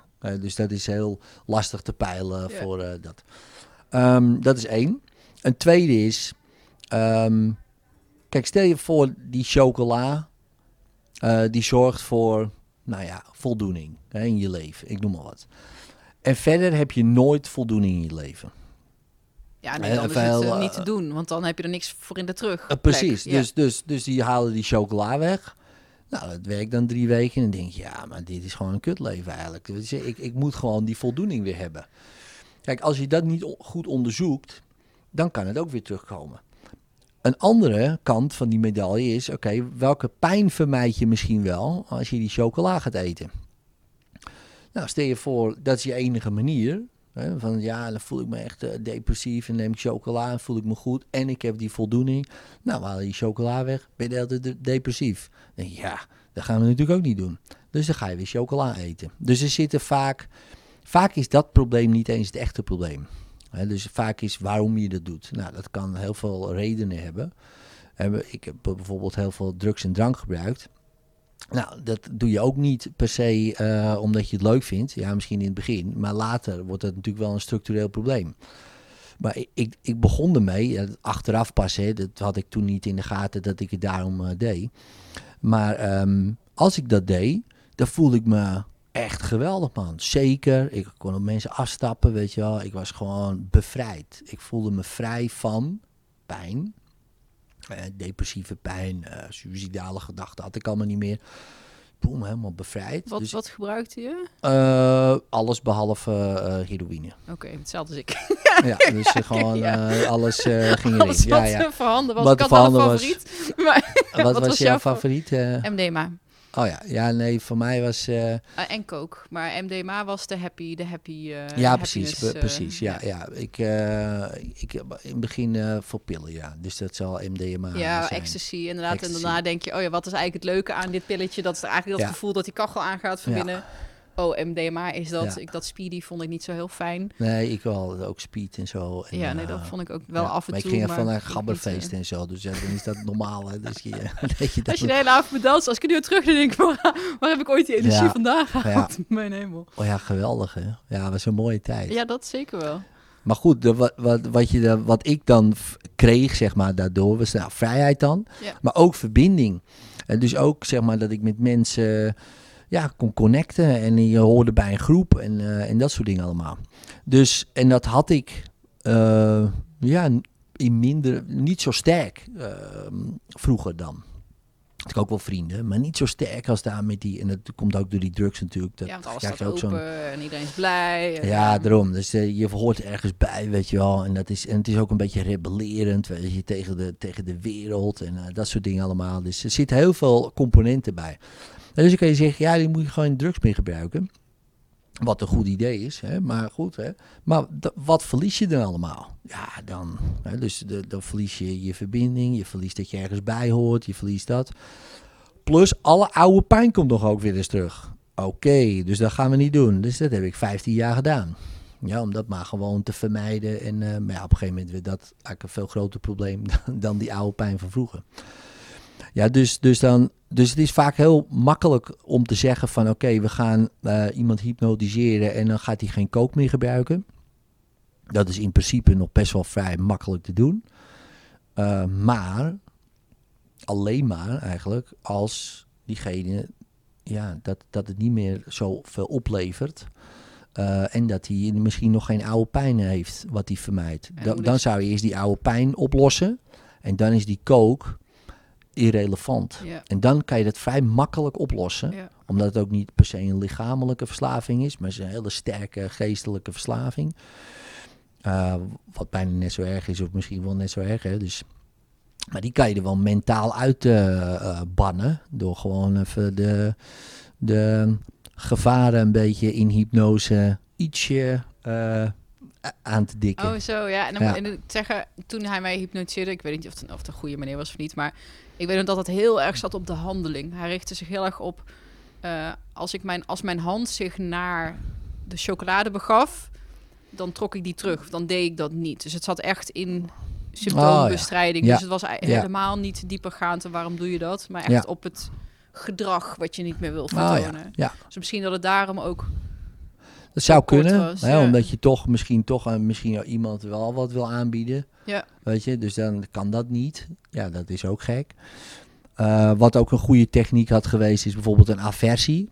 Ja, dus als jij eh, denkt aan chocolade met eh, maden erin, bij spreken, en je breekt hem door midden, kijk, zoals nu al, weet je, ja, dan, dan wordt het heel lastig. En ik zou je zeggen, ja, neem maar eens een brokje. En ik zeg, nee, neem een brokje. En dan voel maar dat het allemaal, denk je, gaat, nou, maar dat wil ik niet. Jawel, je eet die hele reep op. Nou, doe je het ook nooit meer. Hè? Die kans zit erin, hè? Dat, dat blijft Dat heeft hangen. mijn tante geprobeerd, dat weet ik nog. Zo van, want ik, ik had echt was echt een struggle voor mij Ja, als kind nee, al, of dat als, snap als ik wel. tiener al. En die had tegen mijn moeder gezegd, weet je wat ik zou doen als het mijn dochter was geweest? Zeg ik hier, pak maar, zoveel je wilt, overeet maar, Ja, maar niet ja. letterlijk overeet maar, maar eet maar. Zo van, en dan eet ze zichzelf ziek en dan doet Ja. ze het niet. Maar moeder, nee, nee, nee. Dus die was denk ik ook natuurlijk onderdeel. Zo van, zij bepaalt hoeveel ik mocht. En er zat een grens op. En dan wordt natuurlijk alleen maar, alleen het, maar groter die Zeker, drang. Dus ja. het is ook letterlijk zo van, ja, ik, ik bepaal het zelf wel. Ja, ja, precies. Ik bepaal het zelf wel. Dus dan is die chocola. Staat daar symbool dat, voor. Ja, daar staat een symbool voor. En dan stel je voor, we halen het weg. Dan denk je, oh, dan bepaal ik dus het niet meer zelf. Ja, als je die onbewuste correlatie hebt gemaakt, ja, dan, dan kan je dat nooit weghalen natuurlijk. Ja. Totdat je denkt, wacht eens even, zoals nu bij wijze- ik heb, eh, waarschijnlijk, ik weet niet of je er nog steeds een struggle mee hebt of niet. Nee, Nee. helemaal niet. meer. Nee. Ja, ik, ik overeten en s'avonds eten, maar dat is niet meer... eh, Niet per se die chocola eh vet is van, eh, van vroeger, zeg maar. als ik nu een verslaving heb waar ik moeite mee heb, dan is het wel een werkverslaving. Oh ja, ja, ja, ja precies. Ja, ja, ja. Maar het zit gewoon in dat systeempje wat gewoon druk is en gewoon lekker doorraast. Ja. Voor mij was drugs ook echt een manier om, zeg maar, kalm te blijven of zo. Want ik ging bijvoorbeeld met coke, ik ging de stad niet in. Ik bleef gewoon thuis. Ja. Ging poetsen. Je slaat nergens op. Maar daar werd ik rustig van. Ja, ja, precies. Ja, dus ja, de, de, ja. de- omgeving feng shuiën. Oh, dat is ook leuk, ja. ja. Ja, Vanuit die staat, ja. ja ook Zelfs echt ja. tot niveau dat ik met, en dat heb ik maar één keer gedaan hoor, met, eh, ik had een, een tegelvloer. Als je dan dwelt, dan blijven de randjes altijd nog, weet je, dan gaat dan net niet helemaal schoon. Ik ben wel een perfectionist. En met een oude tandenborstel, die, die stukjes, hell, ja. ja, nee, ja. Ik- Maar je gaat Je als de doet gekke brandweer. Ja. Ja. ja, ja, ja, ja, precies, ja. En Ja. op de een of andere manier, eh, het vervulde zijn functie. Ik schaam Ja. er ook niet voor. Denk ik, ja, weet je, ik ben ook maar gewoon mens. En eh, Ja, nee, maar ik bedoel, je doet ook eh, gekke dingen. Maar op dat moment lijkt het el- echt helemaal te gek, jongen. Dus eh, gewoon oh, lachen, man. Lekker schoon en je hebt er nog voldoening van ook. Want ja, maar je kijkt kijkt dan naar kan je vloer. zitten op je bank. Ja, toch? nou, ja, goed toch goed gedaan. Ja, ja precies. Ja, ja.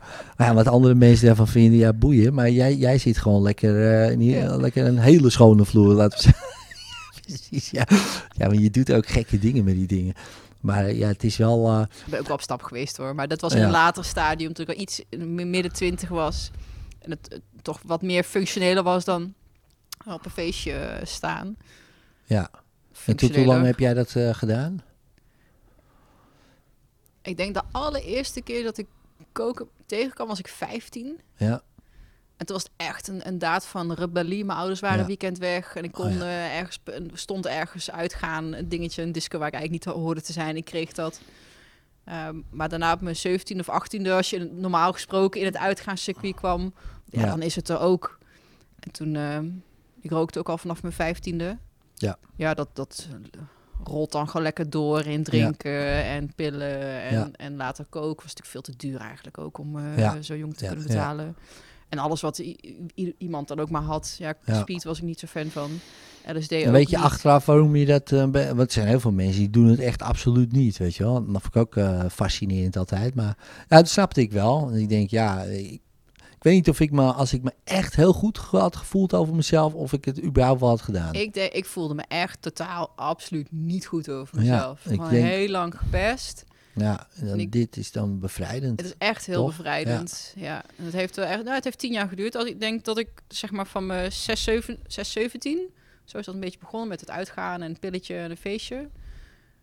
Op tot mijn 27ste heb ik, eh, ben ik eigenlijk heel kort, of niet, eh, anderhalf jaar, maar in, eh, in therapie geweest bij Oh, ja. zo'n een groepstherapie. Oh ja, ja, om echt daar helemaal vanaf Ja, en ik was het zo Ja, wel goed. Kotsbeu. ja. En, nu denk ik, ja, ik kan, ik kan stoppen met roken, ik kan stoppen met koken, ik kan stoppen met pillen.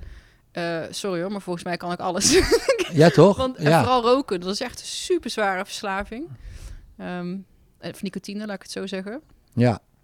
ja, daar zijn de meningen ook over verdeeld. Maar, eh, maar goed, ja. Ja, dus dat heeft ja, tien jaar geduurd. En nu, ja, als zou het nu voor me liggen, ja, misschien zou ik het wel doen. Ik zou niet bang zijn dat ik daar terug in. eh. Nee. Ik zou niks voor me doen. Denk, denk ik, ik voel me zo lekker. Ik heb zo'n leuk leven. Alles gaat zo geweldig. ja, Eh, dat is het, hè, denk ik. Hè? Dus, ja, eh, en toen was het echt, weet je, heel laag zelfvertrouwen, depressieve gedachten, suïcidale gedachten. Gewoon, er, ik was die overbuurman van mij, Ja. maar dan als, eh, weet je, gewoon. ja, dat had ik ook, ja. ja. Ik, de- ik denk best wel veel mensen met een verslaving behandeld. Niet, niet, niet honderden of zo, maar echt wel degene die ik heb gezien. Bijna allemaal hetzelfde. Dus, dus allemaal, er zijn maar heel weinig die zeggen, nou, ik voel me zo fantastisch. Ik denk, laat ik eens even de hele dag kook gaan doen. Dan denk ik, ja, dat, is, eh, Nee. dat, dat zijn er echt, misschien zijn ze er. Maar de meesten hebben allemaal iets allemaal best wel geknakt ergens of zo. Ja. En, en dan denk je, ja, stel je voor dat had nooit gebeurd. Nou, de kans dat ze dat dan hadden gedaan, was, was heel klein geweest. Ja, ik, Ik heb eh, er geen, maar jij ook volgens mij ook niet. Ik kijk daar niet op terug zo van, oh wat vervelend of wat stom of wat nee, ik daar nee. spijt van. Ik Nee. sterk nog, ik denk, ja, wie ik nu ben, heeft daar aan bijgedragen. Zeker. Dus, eh, eh, nee, ik, heb er ook geen, om, ik ja. heb er ook geen spijt van. Ja. Nee, absoluut niet. Maar ik denk wel van oké, eh, hoe zou het zijn geweest? Hè? Dus, of misschien later. Stel je voor, we voeden die kinderen zo op. eh, we, begeleiden die kinderen zo. Zodat zij, en dan nog, eh, kan je misschien niet iedereen, maar dat zij op hun vijftiende, zestiende gewoon... eh, ja, zelfbewuste jongvolwassenen al, al zijn eigenlijk. Of pubers, waardoor ze ook niet hoeven te rebelleren. Zoals mijn zoon is bijna 17. Ja, en die anderen zijn tweeling van 15. Die rebelleren nou nog niet. Dus, want ja, die, kunnen ze, die voelen zich al vrij en die voelen zich al... En natuurlijk hebben ze wel eh, dingen... Maar als ik dan kijk naar m- mijn kinderen, denk ik, ja, die hebben niet die gevoelens die ik eh, had op die leeftijd. Denk je dat, dat dat gevoel van vrijheid ervaren, dat dat hetgene is, eh, of waar je mensen mee helpt die bijvoorbeeld met een verslaving zitten of in een over... Wat is dat voor overtuiging eh, die je via hypnose zou kunnen bekijken als je merkt van, oh, ik, ik heb dat verslavende aspect in me om me lekker te kunnen voelen? Ja, ik denk dat het wel heel persoonlijk is. Ehm, maar als je kijkt naar was een onderzoek. ehm, dus in Portugal had- hadden ze vroeger eh, het grootste aantal verslaafden. En die deden ze dan. Ik ben ook wel eens op vakantie geweest. En dan eh, zeiden ze: ja, je moet niet daarheen gaan. Want dan s'nachts uh, nou, bepaalde stations die dan afgelegen zijn. Daar gaan alle junks heen. En dan gingen soms eh, van die knopploeg gingen erheen om even die junks eh, lekker eh, in elkaar te rossen. Dat was 2002 geloof ik. Dus hadden ze gigantisch veel verslaafden. En in 2012 eh, eh, de minste aantal verslaafden van Europa. Portugal is nu een heel... Daarom. Ja, ja, ja. Ja, en wat ze hebben gedaan in die tien jaar, maar het is natuurlijk ook cultuur, maar ook interessant. Eh, In Portugal is het best wel veel met families, hè? dus eh, mensen gaan eten, dat Zuid, eh, Zuid-Europese, de hele familie. Ja, die, en, jij als broer of zus, de junk, ja, die hoort daar dan niet bij. Maar wat ze hebben gedaan, van je hoort er wel weer bij. En dan zie je dat de meesten dan op een gegeven moment, en nog steeds niet iedereen, maar de meesten dan gewoon afkicken. Ehm, en er was ook een onderzoek met ratten. En ik weet even niet meer precies welk onderzoek dat was, maar hadden ze eh, ratten in een kooi gedaan met eh cocaïne, water en gewoon water. Misschien ken je dat Ja, onderzoek. ik ken Ja, hem, ik ken hem, ja. En Geweldig. op een gegeven moment, als die ratten gewoon echt goed konden socializen, dan kozen ze gewoon niet voor dat cocaïnewater, terwijl andere ratten dat wel deden. En Bedoel je dan dat onderzoek dat ze, zeg maar, één groep, die hadden ze in de standaard eh, onderzoekskooi. Dus gewoon zo'n laboratoriumhokje Ja, waar ze ja. eigenlijk een beetje wegkwijnen. En die Ja. anderen die hadden een soort van rat hemel. ja, met allemaal precies. eh, vriendjes en dingetjes om te spelen. Ja, En dat die, die hadden gewoon een leuk leven. Juist. En die wilden geen koken. En die hoefden dat En die niet. nee, en die anderen wel. Ja, en als je dat doortrekt naar mensen. Ja, wij zijn niet per se ratten, maar ja, ik bedoel, als je dat doortrekt, eh, we zijn wel zoogdieren, dus eh, als je dat daarin doortrekt, ja, daar zit wel een kern van waarheid in. Want die mensen worden steeds meer afgestoten eh, en, het, en het gebruik wordt daardoor erger. En ik merkte dat ook bij mezelf, en misschien heb je dat zelf ook wel gemerkt. Maar, bij, die, bij die gebruikersclub hoor je erbij. dus ja, dus dan ja, blijf je erbij. zien waar je in zit. Ja, maar stel je voor, je, je stopt ermee. Ja, waar hoor je dan nog bij dan? Maar dat is eigenlijk ook wel shit, hè? Want eigenlijk de eerste, een van de eerste dingen die ze in de therapie zeiden, is letterlijk zoek andere vrienden. Ja, Zoek zeker. ander werk, Ja. ga ergens anders Ja, wonen. Ja, Wis alle nummers uit je telefoon. Dus snijden die eerst los. ja, Maar dan moet je dus wel een andere groepje hebben waar je dan wel weer op aan kan haken. Want anders is het, dan gaat het gewoon weer naar het volgende. Of, of lukt het niet. Ja, er waren toen zoveel niet. mensen die dat niet lukte. ja of, of weet je, dat heb ik ook wel eens gehad eh, in therapie. Dan, nou, dan help je die mensen ervan af, zeg maar. Eh, maar dan gaan ze weer terug naar hun oude omgeving. Ik zeg, ja, je moet alle dealers wissen uit je telefoon, dat soort dingen. Want je voelt je nou prima. Ja, dat doen ze dan niet. Want dat- ja, ach ja, weet je, het is toch Achterdeurtje een vriend. eh. Toch een vriend. Ja, ja, precies. Achterdeurtje. En eh, ach ja, wie moet ik dan? Wie komt er dan bij me op bezoek? Weet je, anders heb- komt er ook niemand. Nou ja, en als dat, als ze dat niet doen, ja, dan zitten ze er zo weer aan natuurlijk. Want dan gaan ze bellen en. eh, Ik heb ook wel iemand gehad, die had, heb ik een jaar in een traject gehad. En daarna ging het goed. Maar dan steeds weer, nou ja, terugval. Of eigenlijk gewoon, ja, niet, niet doen wat ik zeg. Eh, weet je wel, gewoon dat wissen. En maar ik snap het, dat je dat ook niet doet. Hè. Dus niet dat ik denk van, hey, je doet niet wat ik zeg. Maar ik, nee, en ik heb het ook gedaan. Het is ik heb, echt wennen er gewoon. is één eh, telefoonnummer, wat- of er is één persoon ter- daar waar ik heel lang over heb gedaan, om die te vertellen ook dat ik de therapie en dat ik er weer was gestopt. Zo van, ergens zo van, dat was dan, daar, daar, daar kon ik het altijd nog wel van krijgen, van eh kook. Dat deden we gewoon in het restaurant waar we toen eh, met z'n tweeën werkten. Dat waren de secundaire arbeidsvoorwaarden. Ik Ja. altijd waar ik heen moest lopen, waar het zakje lag. ja, ja, Doorstarten, zo noemden we dat.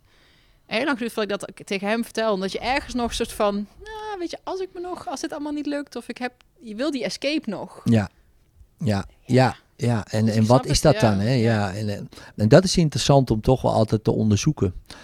Want je kan iemand wel afkappen van alles. Maar wat verliest hij allemaal Ja. eh, daardoor? En wat komt er allemaal weer terug? Eh, wat, wat hij verdoofd heeft. Ja, dat, die twee dingen moet je altijd wel aanpakken. Dus ook die oude pijn oplossen hè, van vroeger. Waarom ben je begonnen? Nou, bij sommigen is dat al opgelost. Gewoon omdat ze ouder zijn geworden. En ze voelden zich eigenlijk prima over zichzelf. Maar toch zit dat kleine jongetje of meisje er dan nog. Nou, die, dat kunnen we veranderen, dat stuk. Nou, dan is die fundering weg. Dus eigenlijk is dan die, dat gebruik irrelevant. Dat hoef je niet meer te gebruiken om te verdoven. Maar nu zit het nog gekoppeld aan, ja, maar ik, ik krijg er ook veel van. Nou, en daar kijken of we andere manieren kunnen vinden om dat te vervullen. Nou, dat kan misschien onbewust al, hè, dat je onbewust al andere manieren heeft, zodat hij dat gewoon kan loslaten. Maar ook dat is, kijk, dat kan wel nu gebeuren, alles is nu. Hè, maar daarna, het is ook nog steeds nu dat jij die vriendengroep hebt. En het is ook nog steeds nu dat jij die telefoons hebt in je telefoon. Ja, en omdat, ja, ja dat, dat kan echt wel een jaar gewoon misschien in beslag nemen. En misschien wel langer.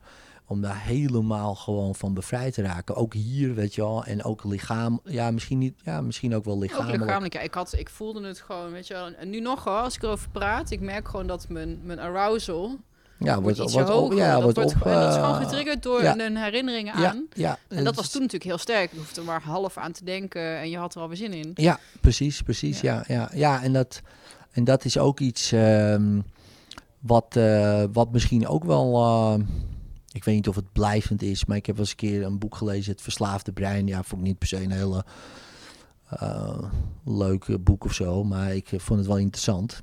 Ja, en leuk omdat je dan dingen leest die je, eh, ja, wat ik eigenlijk misschien helemaal ja. niet wil weten of zo. dat het altijd in je brein blijft en dat soort dingen. En, en dat kan best wel, en, dat, en ik geloof dat ook wel. Maar dat heb die, dus die niet. patronen, dat heb je niet? Nee, oh sorry, want ik geloof daar maar, ook ja. niet in. Dat, dat, ja. maar ja. misschien is dat, ik geloof wel echt in die, niet... Ik heb eh, 15 jaar of zo gerookt. Echt een pakje per dag. Ja. Ik vind mezelf echt in hart en nieren een niet-roker. Ja, ja, ik ook. echt Ja, ja, niet bij precies. mij in de buurt roken. Vind ik Ja. echt niet prettig. Nou, deze man die had heroïne gebruikt en eh, die was daar eh, mee gestopt. En die was echt verslaafd en gestopt. En dus is hij hoogleraar geworden op een gegeven moment, na jaren. Ook neurowetenschap en zo. En die heeft zijn eigen brein onderzocht. Hoe, hoe ziet een verslaafd brein eruit? En toen ja, kwam hij erachter, ja, die patronen zitten er gewoon Ja. nog. Hè, want als je aan denkt, nou, wat je zegt, eh, dan k- kan het opwekken. Maar er zijn zoveel andere detours erbij gecreëerd in die periode, dat het niet meer gebeurt. Maar hij zegt, ja, het zit er nog wel. Eh, Ja. Maar er zijn heel veel omwegen. En ik denk, ja, dat, dat, dat geloof ik ook wel, ja. Ja. Het zit er nog steeds, want je kan het nog steeds doen. Alleen ja, je hebt helemaal geen zin meer in.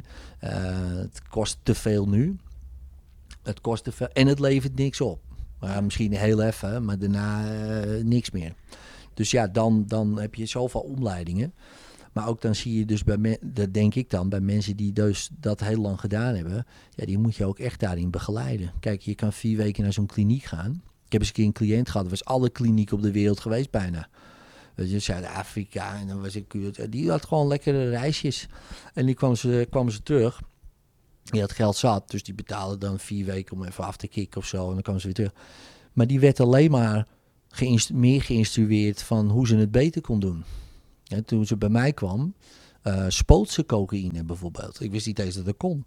Hij zegt, ja, ja, heb ik geleerd in de kliniek. Want uh, ja, ze zei op een gegeven moment, ja, mijn neus deelt het vol. Neus vol, je moet ook spuiten gewoon, weet je wel. Dat hoor je ook als van die anorexia-klinieken, dat ze dan daar ook gewoon tips... Uh... Ja, die krijgen tips, joh. ja, maar het is net als een gevangenis. Daar krijg je tips over hoe je niet meer gepakt kan worden.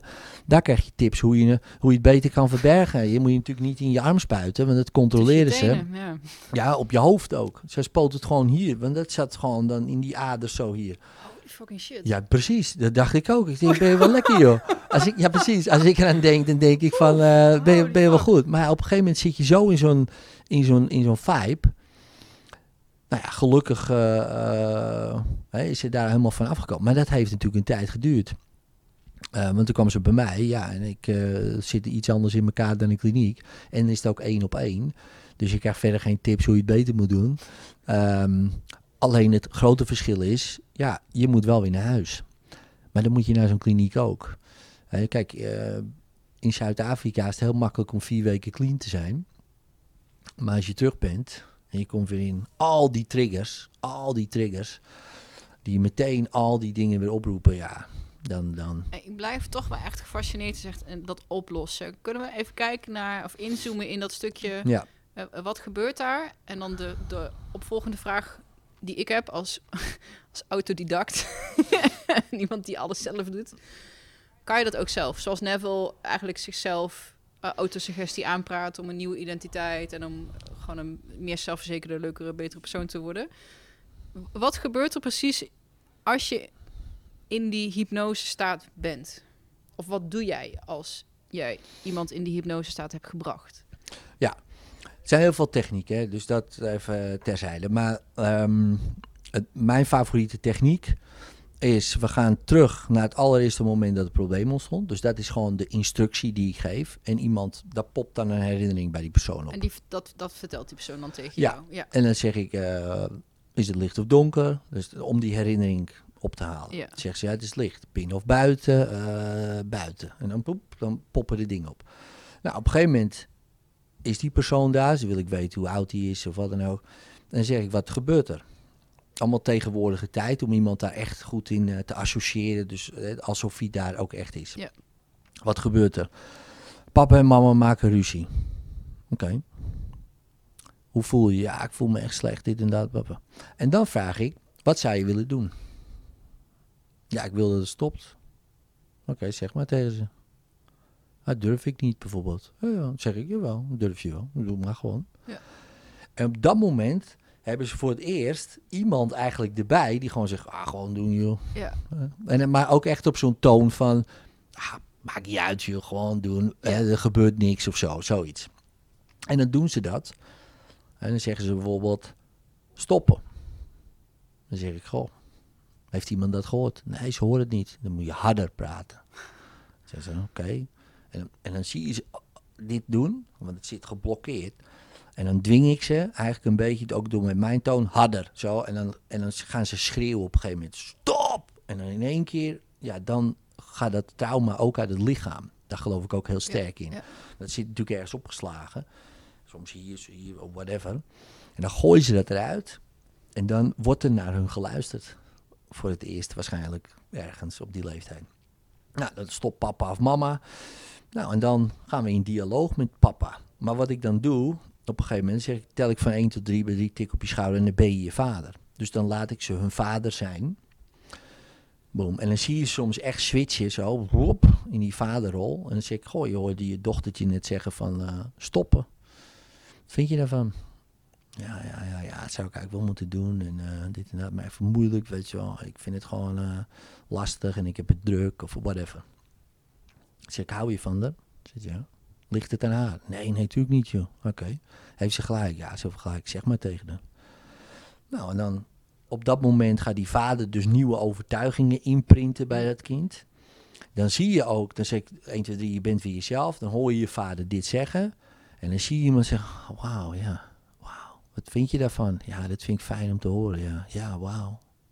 Nou, de moeder hetzelfde daarna, als dat allemaal gebeurt, dan zeg ik, begrijp je je vader?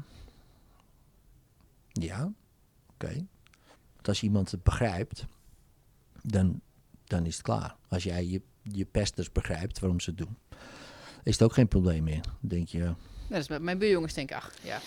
ja, je begrijpt ze. Je Ja. denkt, zijn het feesten, zijn het dit? Je denkt, ja, eh, boeien. Ja, Ja, oké, dan hebben ze die muziek hard. Nee, ja. precies. Het heeft niks met jou te maken. Dus begrijp je je vader? Ja, en dan zeg ik meestal, eh, oké, zeg maar, eh, ik begrijp je en ik vergeef je. Nou, op dat moment bevrijden ze zichzelf. Dan laat ik ze nog een keer hunzelf vergeven. Knuffelen, versmelten, opgroeien. Dan geef ik dus suggesties mee. En je groeit nu op. En je wordt vijf jaar, zes jaar, acht jaar, tien jaar. En al die situaties veranderen nu. Ja. Nou, en dan tot nu. En dan gaan we testen. Van, is dat weg? En dan zie je dus dat eigenlijk dat zegt, kleine meisje... Gaan we testen? Wat bedoel je Ja, testen of het probleem dus bijvoorbeeld weg is. Hè. Stel je voor, eh, probeer het oude gevoel nog eens op te halen. Oh, oké. En dan eh, lukt het niet. Nou, dan probeer het nog een keer. Nou, echt goed doortesten om te kijken of het echt helemaal weg is. Zodat ze zelf ook overtuigd raken dat het weg is. En dan gaan we kijken van oké, een past pace. Dus in de zin van oké, als je nu terugdenkt aan die situatie hè, van vroeger op de basisschool. Hoe, hoe denk je er nu over? Ja, dat is wel anders, weet je wel. Hoe voelt dat nu? Ja, ja goed, oké. Middelbare school, ja, goed. Oké, en stel je voor, morgen kom je een van die gasten tegen, zo'n pesten. Wat gebeurt er nu? Maar ja, doet me niks eigenlijk. Echt niet? Nee, nee. En steeds herhalen, echt niet. Gaan ze denken, nee. En hier wordt dan zeg maar dat nieuwe corticale paadje, wat een beetje, klein beetje is verbonden zo, steeds versterkt. Ze Ja, versterken ja. het zelf. Echt niet? Eh, nee. Serieus? Eh, en steeds bevriezen ze dan die verandering. Nou, dat moet je, ja, zo vaak mogelijk eh, is natuurlijk het beste. Nou, en dan schetsen we een, een leuke toekomst voor ze. En dan gaan ze uit hypnose en dan is hun hele leven veranderd. Voor een Geweldig. gevoel, ja. Ah, ik ben zo benieuwd wat jij van Neville gaat vinden, want het is basically gewoon wat hij met pruning bedoelt. Maar alleen jij stelt de vragen. En het is heel lastig als je in auto of als je in autosuggestie bent, als je in die floating staat bent, om jezelf te sturen, want je eigen hoofd gaat all over the place. Ja, Het precies. is heel fijn dat je- iemand, iemand daar eh, je duwtjes even de goede kant op geeft. Ja, het is even wat makkelijker om het te ondergaan natuurlijk. Als je het helemaal een paar keer hebt ondergaan, dan, dan kan je dit zelf ook bij jezelf wel doen. Hè, want zo simpel is het. Want dan kan je dat zo opratelen. Ik kan Ja. het bij mezelf doen, want ja, ik, ehm, ik heb dat zo vaak gedaan. Ik doe het ook met de toekomst waar ik naartoe wil. Ja. Precies zo. Ja, precies. Ja. Maar stel je voor, jij gaat nu... Hè, want je voelde bijvoorbeeld iets hè, over, over dat pesten. Stel je voor, je gaat nu terug naar dat meisje van vroeger. Hè, dus eh, je kan je gewoon in gedachten gaan. En dan zeg maar, oké, maar wat leverde dat toen op? En dat klinkt gek, hè, dat je gepest werd. Wat ging je toen doen? Nou, misschien vermijden, ging je rust zoeken of wat dan ook. Oké, dus je ging rust zoeken. Dat levert je op. Wat vermijdde je ermee? Oké, die pijn. Het wel ook, ik kan wel beantwoorden, vind ik wel leuk. Maar ik kan, ja, ik kan ja. niks aan doen, want het hoofd dat... eh, Ja, jij, heel jij, stelt nu vragen en, En, ik ja, kan en- niks. ja, nee, ik ben blij om. Ja, ja. Dus wat leverde dat jou op? Bevestiging. Bevestiging. Bevestiging. Dus en het wat, is, ouder. daar, en wat is daar belangrijk aan? eh, de, de bevestiging? bevestiging van de afwijzing. Het is een, be- een bevestiging van een patroon wat al bestond. Oké, dat je afgewezen Ja, werd. Oké, ja, ja. dus dat was de pijn. Ik denk het, ja. En Maar wat leverde het je, wat ging je doen ehm, daardoor? Hè, Stel je voor je werd afgewezen dan. En je, wat, wat, wat, wat was dan jouw reactie? mezelf terugtrekken, boek in een hoekje zitten, boekje lezen. En wat leverde dat op dan? Dat is lekker een fantasiewereld waar je dan... eh, En wat eh, levert dat op, die fantasiewereld? Rust, Ja, rust. Ja. Nou, dus, dus stilte. stilte. Dan is de vraag natuurlijk, en dat is misschien een hele gekke vraag. ehm, moet jij altijd eerst afgewezen worden voordat je eh, rust hebt? Dat is wel een patroon wat... Nee, maar nu. Zeker. Oh, nu? Nee. Nee dus, eh, nee, dus je hebt het al geleerd. Ja. Nou, dus nu, als je nu al die momenten voor de geest haalt, dat jij gewoon rustig voelt, zonder dat je eerst afgewezen wordt. die heb je zat natuurlijk. Als je misschien thuis bent en je zit op de bank, maakt niet uit wat voor dingen. Da, da- met al die, met die eh, selectie van herinneringen, van, met die collectie van rust, ga je terug in je hoofd naar dat kleine meisje. En dan zeg je tegen het kleine meisje wat gepest is, hey, uh, we hebben het al geleerd hoor. Kijk maar, hier kunnen, zijn we rustig, hier zijn we rustig, hier zijn we rustig, hier zijn we rustig, hier zijn we rustig. Totdat zij begint te lachen en het begrijpt, dat ze denkt, oh ja, we hebben het al geleerd. En is het klaar en heb je het nooit meer. Dus dat kan je doen in uh, zelfhypnose. Geweldig. Ja, dus dit is even een onderzoekje van wat levert het je nou echt op. Um, en hoe heb je het nog nodig om die pijn te vermijden? Nee, hè, want uh, die, je, bent, uh, je bent geen zes meer, hè, dat uh, zien we. Dus, dus dat, je hebt wel heel veel geleerd. Maar dat geldt bijna voor iedereen. Ja. Het grappig, want, want als ik die vraag stel zo, dan zegt iedereen, nee natuurlijk niet, maar durf normaal. Nee, maar als ik die tegen iemand van zes had gezegd, als die dat had begrepen, dan denk ik, ja, dat is nog steeds zo. Maar iemand van bijna veertig, weet je, die denkt van, ja, natuurlijk, die band durven gewoon. Maar het is en dan, wel bizar, dat zul je ook wel zien. Want wij, wij zijn er overheen gegroeid. We hebben dat overstegen op onze eigen manier. Met onze eigen, de dingen die op ons pad zijn gekomen. Ja. Maar er zijn ook echt zoveel mensen die... Maar ik denk dat iedereen er overheen is gegroeid namelijk. Ja, denk je niet? Ja, dat, denk dat het, want ik denk, als je terugkijkt, dat patroon van... Vooral nu die zo scherp, zeg maar... Of, teruggebracht wordt tot oh afwijzing, dan is er een soort van ontlading, want je voelt je de kut en daarna komt de terugtrekken en de rust en het fijne Ja. gevoel. En denk ik, dat is zo. Dat was het bij wijze van spreken tot eergisteren, om maar even, want dat, dat is, herhaalt zich ook weer op nieuwe plekken, weet je wel? Oh, eerst de, de confrontatie en na die confrontatie, oh ja, dat is wel fijn dat het Ja. rustig is. Ja, niet eergisteren, maar gewoon Nee, ja, dus is ik, het zo dat je er echt helemaal overheen...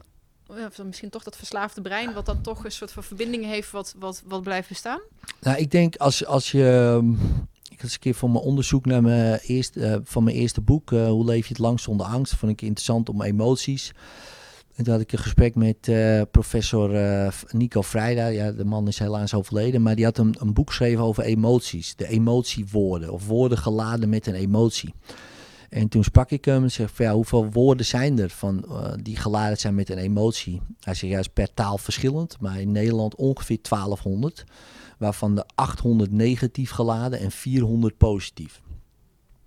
En toen dacht ik, later pas, toen niet, eh, wanneer je boos bent, eh, dan kan je niet tegelijkertijd blij zijn. Dat is gewoon een andere kant van je persoonlijkheid. Jouw boze kant en je blije kant en je verdrietige kant.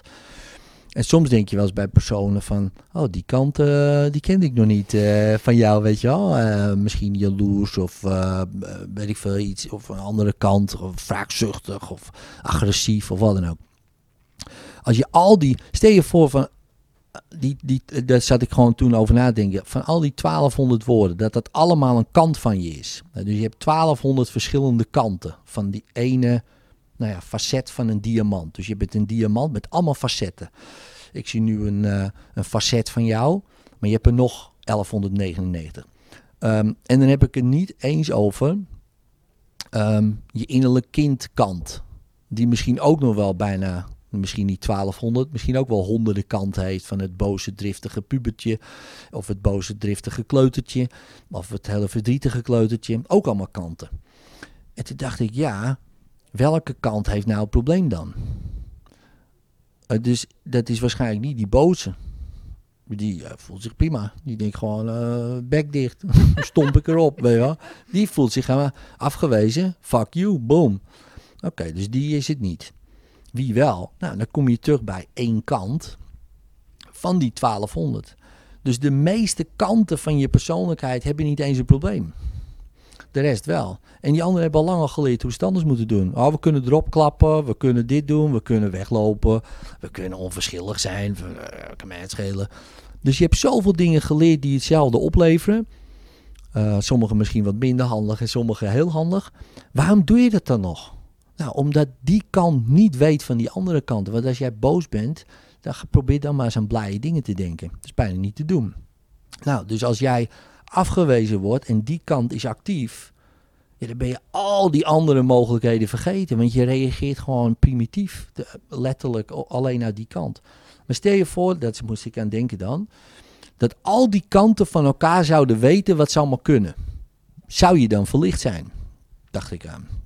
Ik stel je voor, al die kanten worden één kant. Gewoon alleen E- Edwin. ehm, in een diamant met één facet of zo. Als dat überhaupt zou kunnen. Ik denk, dat is interessant. Dan moet je ze allemaal gaan ontdekken.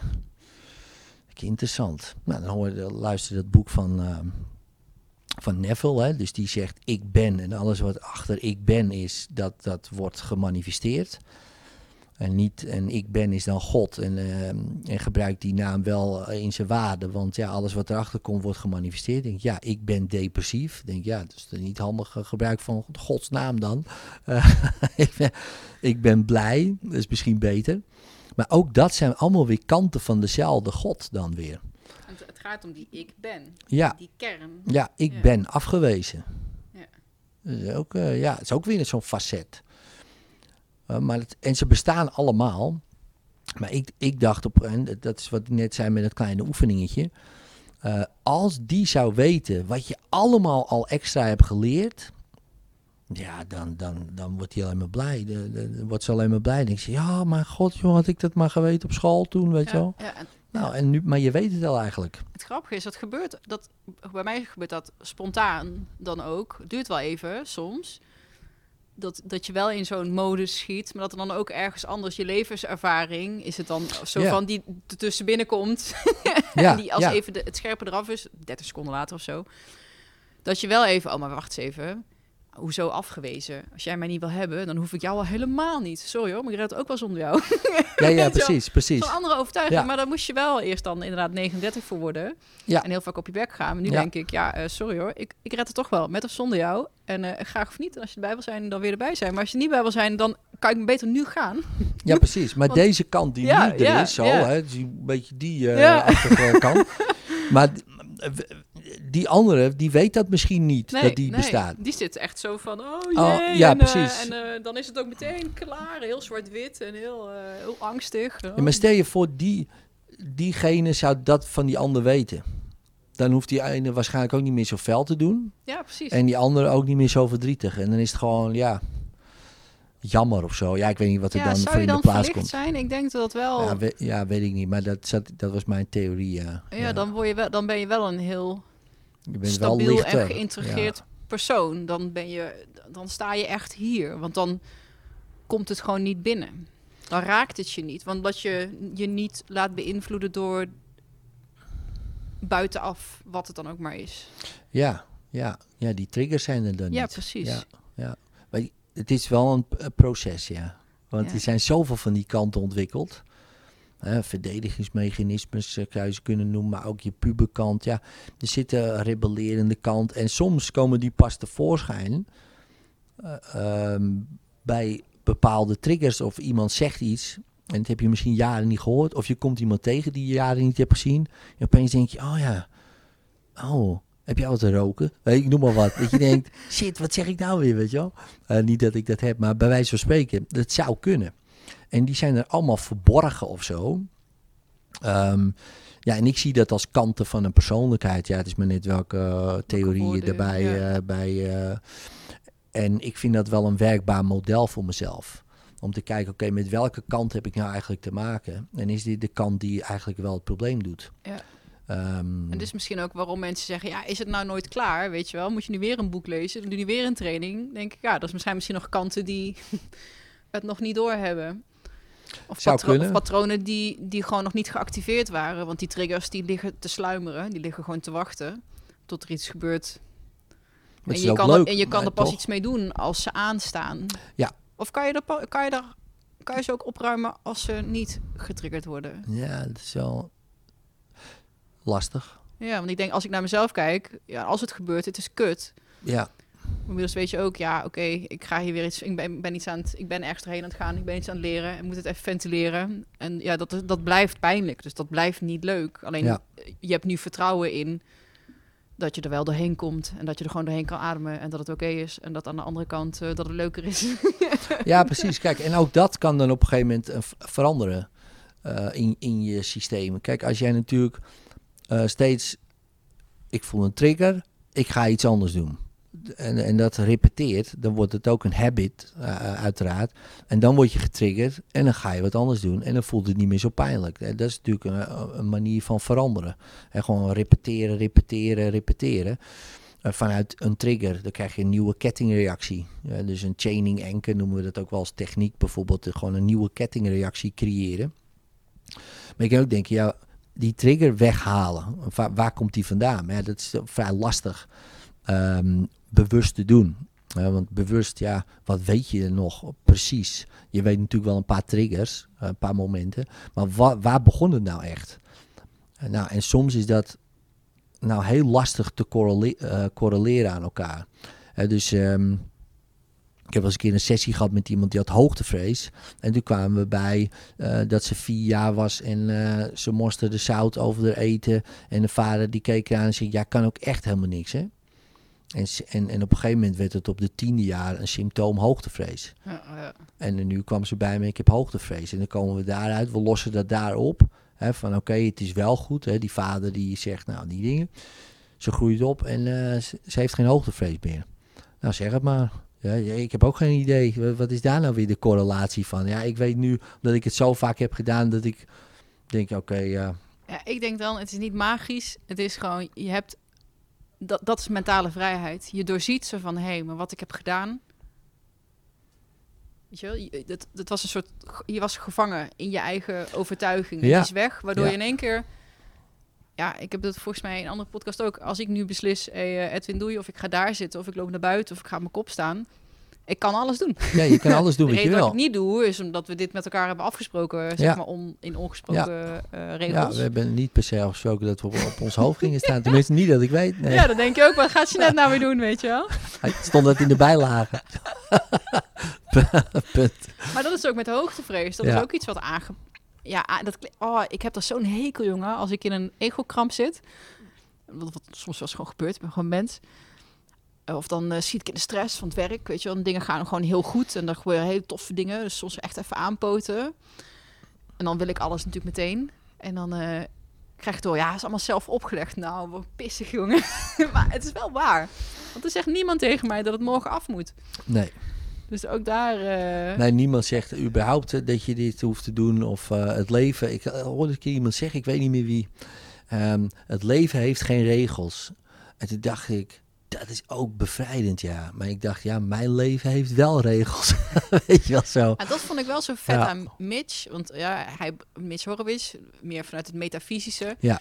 Ook, hij zei, ja, weet je, uh, of je er wel of niet in gelooft, mij hoeft niet te geloven, probeer het zelf. Dat vind ik sowieso een prachtige boodschap. Ja, zeker, ja. Gewoon ja. van, hey, en kijk niet naar mijn succesverhaal, want hij schrijft ook helemaal niet niks over zichzelf. Of heel weinig. Um, maar hij zegt, ja, hoe sterk het, hoe krachtig dit ook is om te doen. Dus jezelf vooruit of achteruit in de tijd en daar al een gewenste of een, of een revisie te doen, zeg maar.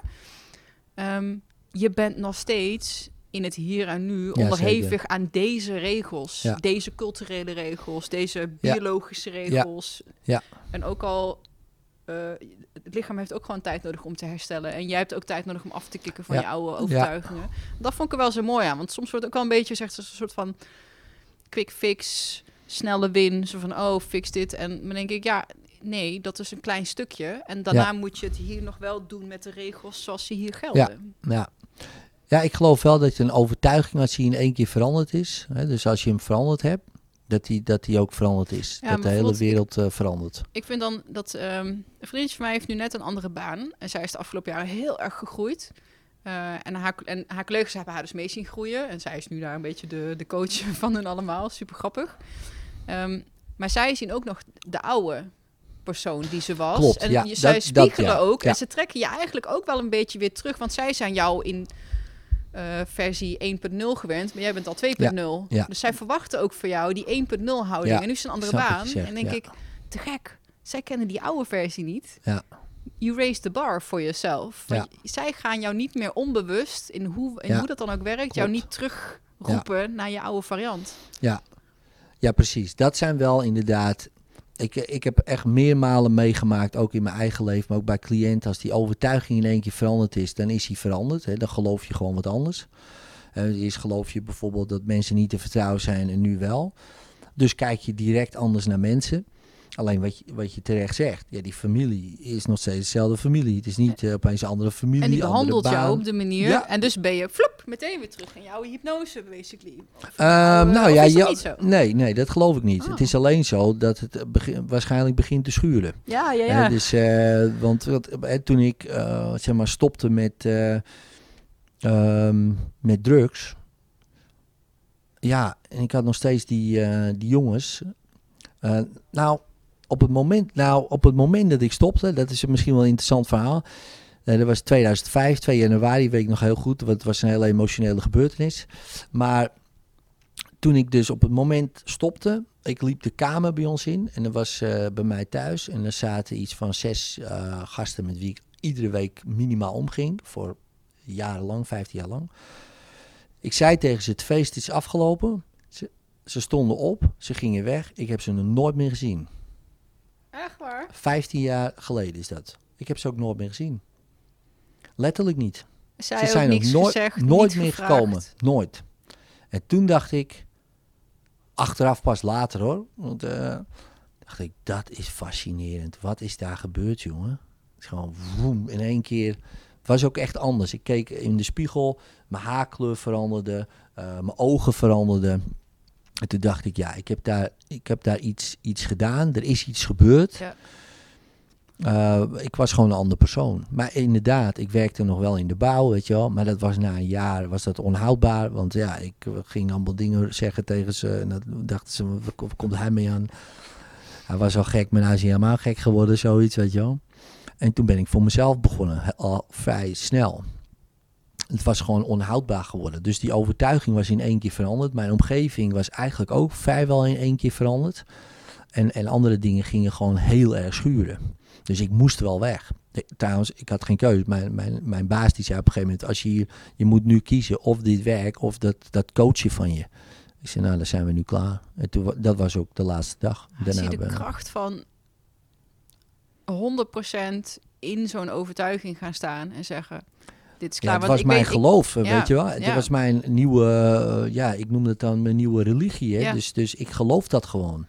Ik geloof bijvoorbeeld ehm, dat jij een vrouw bent. Dat geloof ik. En dan kan je zeggen, ja, dat ben ik niet, dit en dat, weet ik het allemaal. Nou, oké, dan kun je, maar ik geloof dat. Nou, als jij zegt, dat ben ik niet, oké, dan ga ik daarin mee. Maar ik geloof bijvoorbeeld wel dat ik een man ben. Nou, dan kan jij van alles tegen me zeggen. Maar ik denk, ja, dat is jouw idee. Maar dat is wat ik geloof. Of het echt zo is, daar kunnen we over discussiëren. Maar ik geloof heel veel dingen over mezelf. Die, ja, dat ik, het is voor mij een soort bril met transparant glas. Hè. Die zet je op en je kijkt gewoon, en je hebt niet eens door dat die bril op zit. Totdat iemand die bril afzet en eigenlijk meteen een nieuwe opzet, denk je, ah ja, zo zit de wereld in elkaar. Dus ik ben nu 15 jaar bijna ondernemer. Ehm, ik kan nooit meer terug in loondienst. Dat is onmogelijk. Terwijl daarvoor heb ik nooit eh, nagedacht om ondernemer te worden. Dus Ik ook die bril is veranderd, Ik, bijvoorbeeld. vind wel, ik kan wel echt met je meegaan, ook in het veranderen haarkleur en oogkleur. Ehm, vooral in de perceptie. Ik heb dat ook. Er zijn sommige momenten. ehm, misschien ben je in zo'n staat van. eh, want ik, ik, ik- de psychedelische wereld en het, het, het, meditatieve en het floten, dus de, de, de autohypnose staat, zeg maar. Want je kan jezelf daar wel in plaatsen. Er gebeurt veel als je naar jezelf in de spiegel kijkt. En ik, ik bijvoorbeeld v- van week een beetje, nou, niet een ruzie, maar ik ben aan het leren om zuiverder te spreken. Om eerder te zeggen dat ik iets niet leuk vind. Dat ik het heel moeilijk vind. Dat is altijd even lastig, want de andere persoon die heeft misschien ook wel triggers eh, op, Ja. eh, om Ja, dingen ja, te horen die even niet goed gaan. Ehm, maar dan, ik, ik heb een ander gezicht. Ik zie er anders uit op foto's. Ik kan het zo terug eh, zien, de groeimomenten. Ja, Ehm, dus, eh, ja, dat, en dat kan in één blik in de spiegel, Ja. in één sessie, zeg maar, Ja. kan ik mezelf zien veranderen. Ogen lager zakken, Ja. eh, huidskleur. Maar dat zijn heel veel minuscule spiertjes Ja. natuurlijk. Dus gewoon hoe je hele gezicht ja zit. daarom. Ja, dat heeft allemaal invloed. En mijn- Ja. de stand van mijn ogen, ook de felheid van mijn ogen. Ja, mijn haarkleur, dat kan niet. Maar aan de andere kant, ja, ik weet het niet. maar in- wel in hoe ik het zie. Ja. Soms is het lichter, soms is het donkerder. Ja, ik had een beetje donkerblond haar. Dat had ik. Ja, nu niet meer. Dus eh, het is nu eh, niet meer donkerblond. Nee. En dat was eigenlijk vrij snel, was dat, was, veranderde dat bij mij. Ehm, kan ook toeval zijn natuurlijk, hè, alles zo kan. Maar ik, was, ik voelde me ook echt gewoon, ik Ja. denk, ja, dit is een nieuwe Edwin. Ja. Ik ben niet die, ik ben een andere, Ja, een je- andere Edwin nu. er ja. is gewoon een andere... Ik, Ik channel andere informatie. Nou, nu zeg je weer hetzelfde. Dan wil ik Ja. dan als... Oh, ik kijk even de tijd. Als laatste onderwerp. ja, ja, is goed. ik, heb, ja. ik heb iemand geïnterviewd ook die... Ik was zeggen, als beroep channelt. Maar dat is natuurlijk helemaal niet zo. Maar die, die dat veel over kon vertellen. En ook channelt. Wat is channelen voor jou?